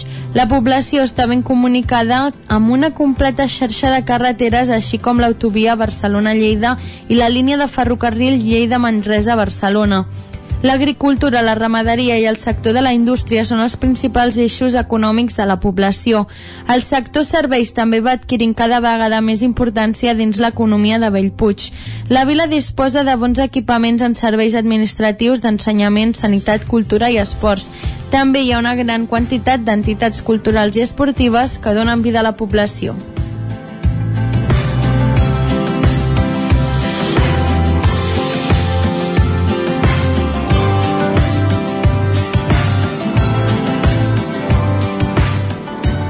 Territori 17. Doncs de l'Urgell, Vicenç, ara ens n'anem cap a la R3, no? Anem amb tren. Vinga, A em veure sembla... si avui han anat bé les coses o no. Sí, perquè ahir em sembla que no hi van anar gaire, No. eh? De moment anem-hi, va, cap a la Trenc d'Alba. A Tren d'Alba. Cada dia els usuaris de la línia R3 de Rodalies que veuen sortir el sol des d'un vagó ens expliquen les gràcies i les penes del primer comboi que uneix Ripoll i Barcelona. Benvinguts a Tren d'Alba. Abans de continuar amb els acords del ple de Vic sobre la millora i el desdoblament de la línia R3, m'agradaria donar un motiu més perquè això es faci, i és que ahir la circulació va estar totalment interrompuda per una avaria de les 6 i 10 minuts de la tarda fins passades les 7, de manera que els trens van reemprendre la seva marxa amb retards molt superiors a l'hora, provocant un col·lapse a la línia, ja que es tracta d'una hora punta pels viatgers. Per sort, els tècnics de DIP van aconseguir reparar aquesta avaria que es tractava d'un problema del control de tràfic centralitzat, el qual regula la circulació dels convois. Això va provocar greus retards fins que es va haver de tallar tota la circulació de Montcada fins a Ribes de Freser. Un drama absolut. La moció que us comentava abans instava el govern a presentar una proposta d'increment i millora dels horaris i la tipologia dels trens que s'utilitzen en la línia R3, així com una millora de la coordinació horària amb les línies de bus, d'aportació i amb els serveis dels ferrocarrils francesos a la Tour de Carol. També demanava a les institucions, entitats i associacions de les poblacions i comarques afectades que s'assumessin a aquest acord. Finalment, volia que es notifiqués l'acord al Ministeri de Transports, Mobilitat i Agenda Urbana, al president de l'Estat, al Departament de Territori i Sostenibilitat, al president de la Generalitat, als ajuntaments i als consells comarcals afectats. Va, ens retrobem demà i recordeu que ja portem un retard acumulat de 5 hores i 12 minuts des de l'inici d'aquest mes de setembre. Territori 17. Això de la R3 és un no parar, eh?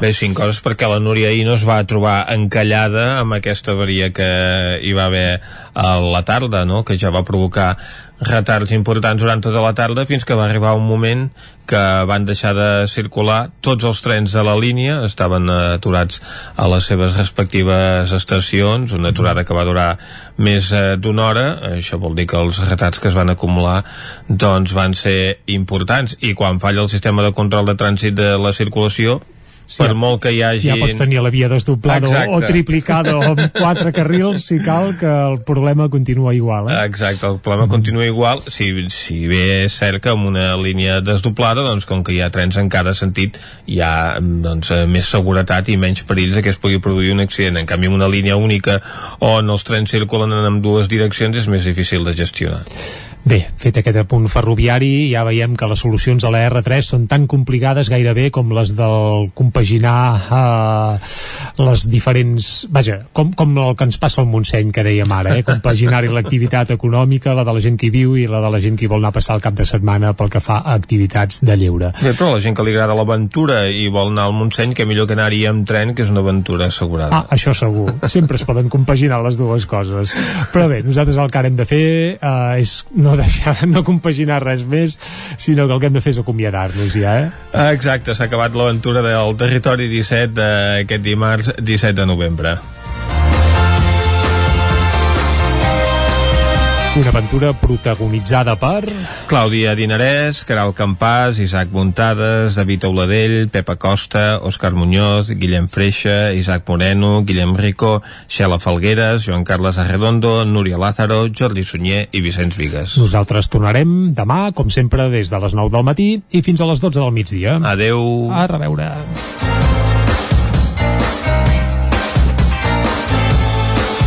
Territori 17, un magazín del nou FM. La veu de Sant Joan, Ona Codinenca i Ràdio Cardedeu amb el suport de la xarxa. El nou FM.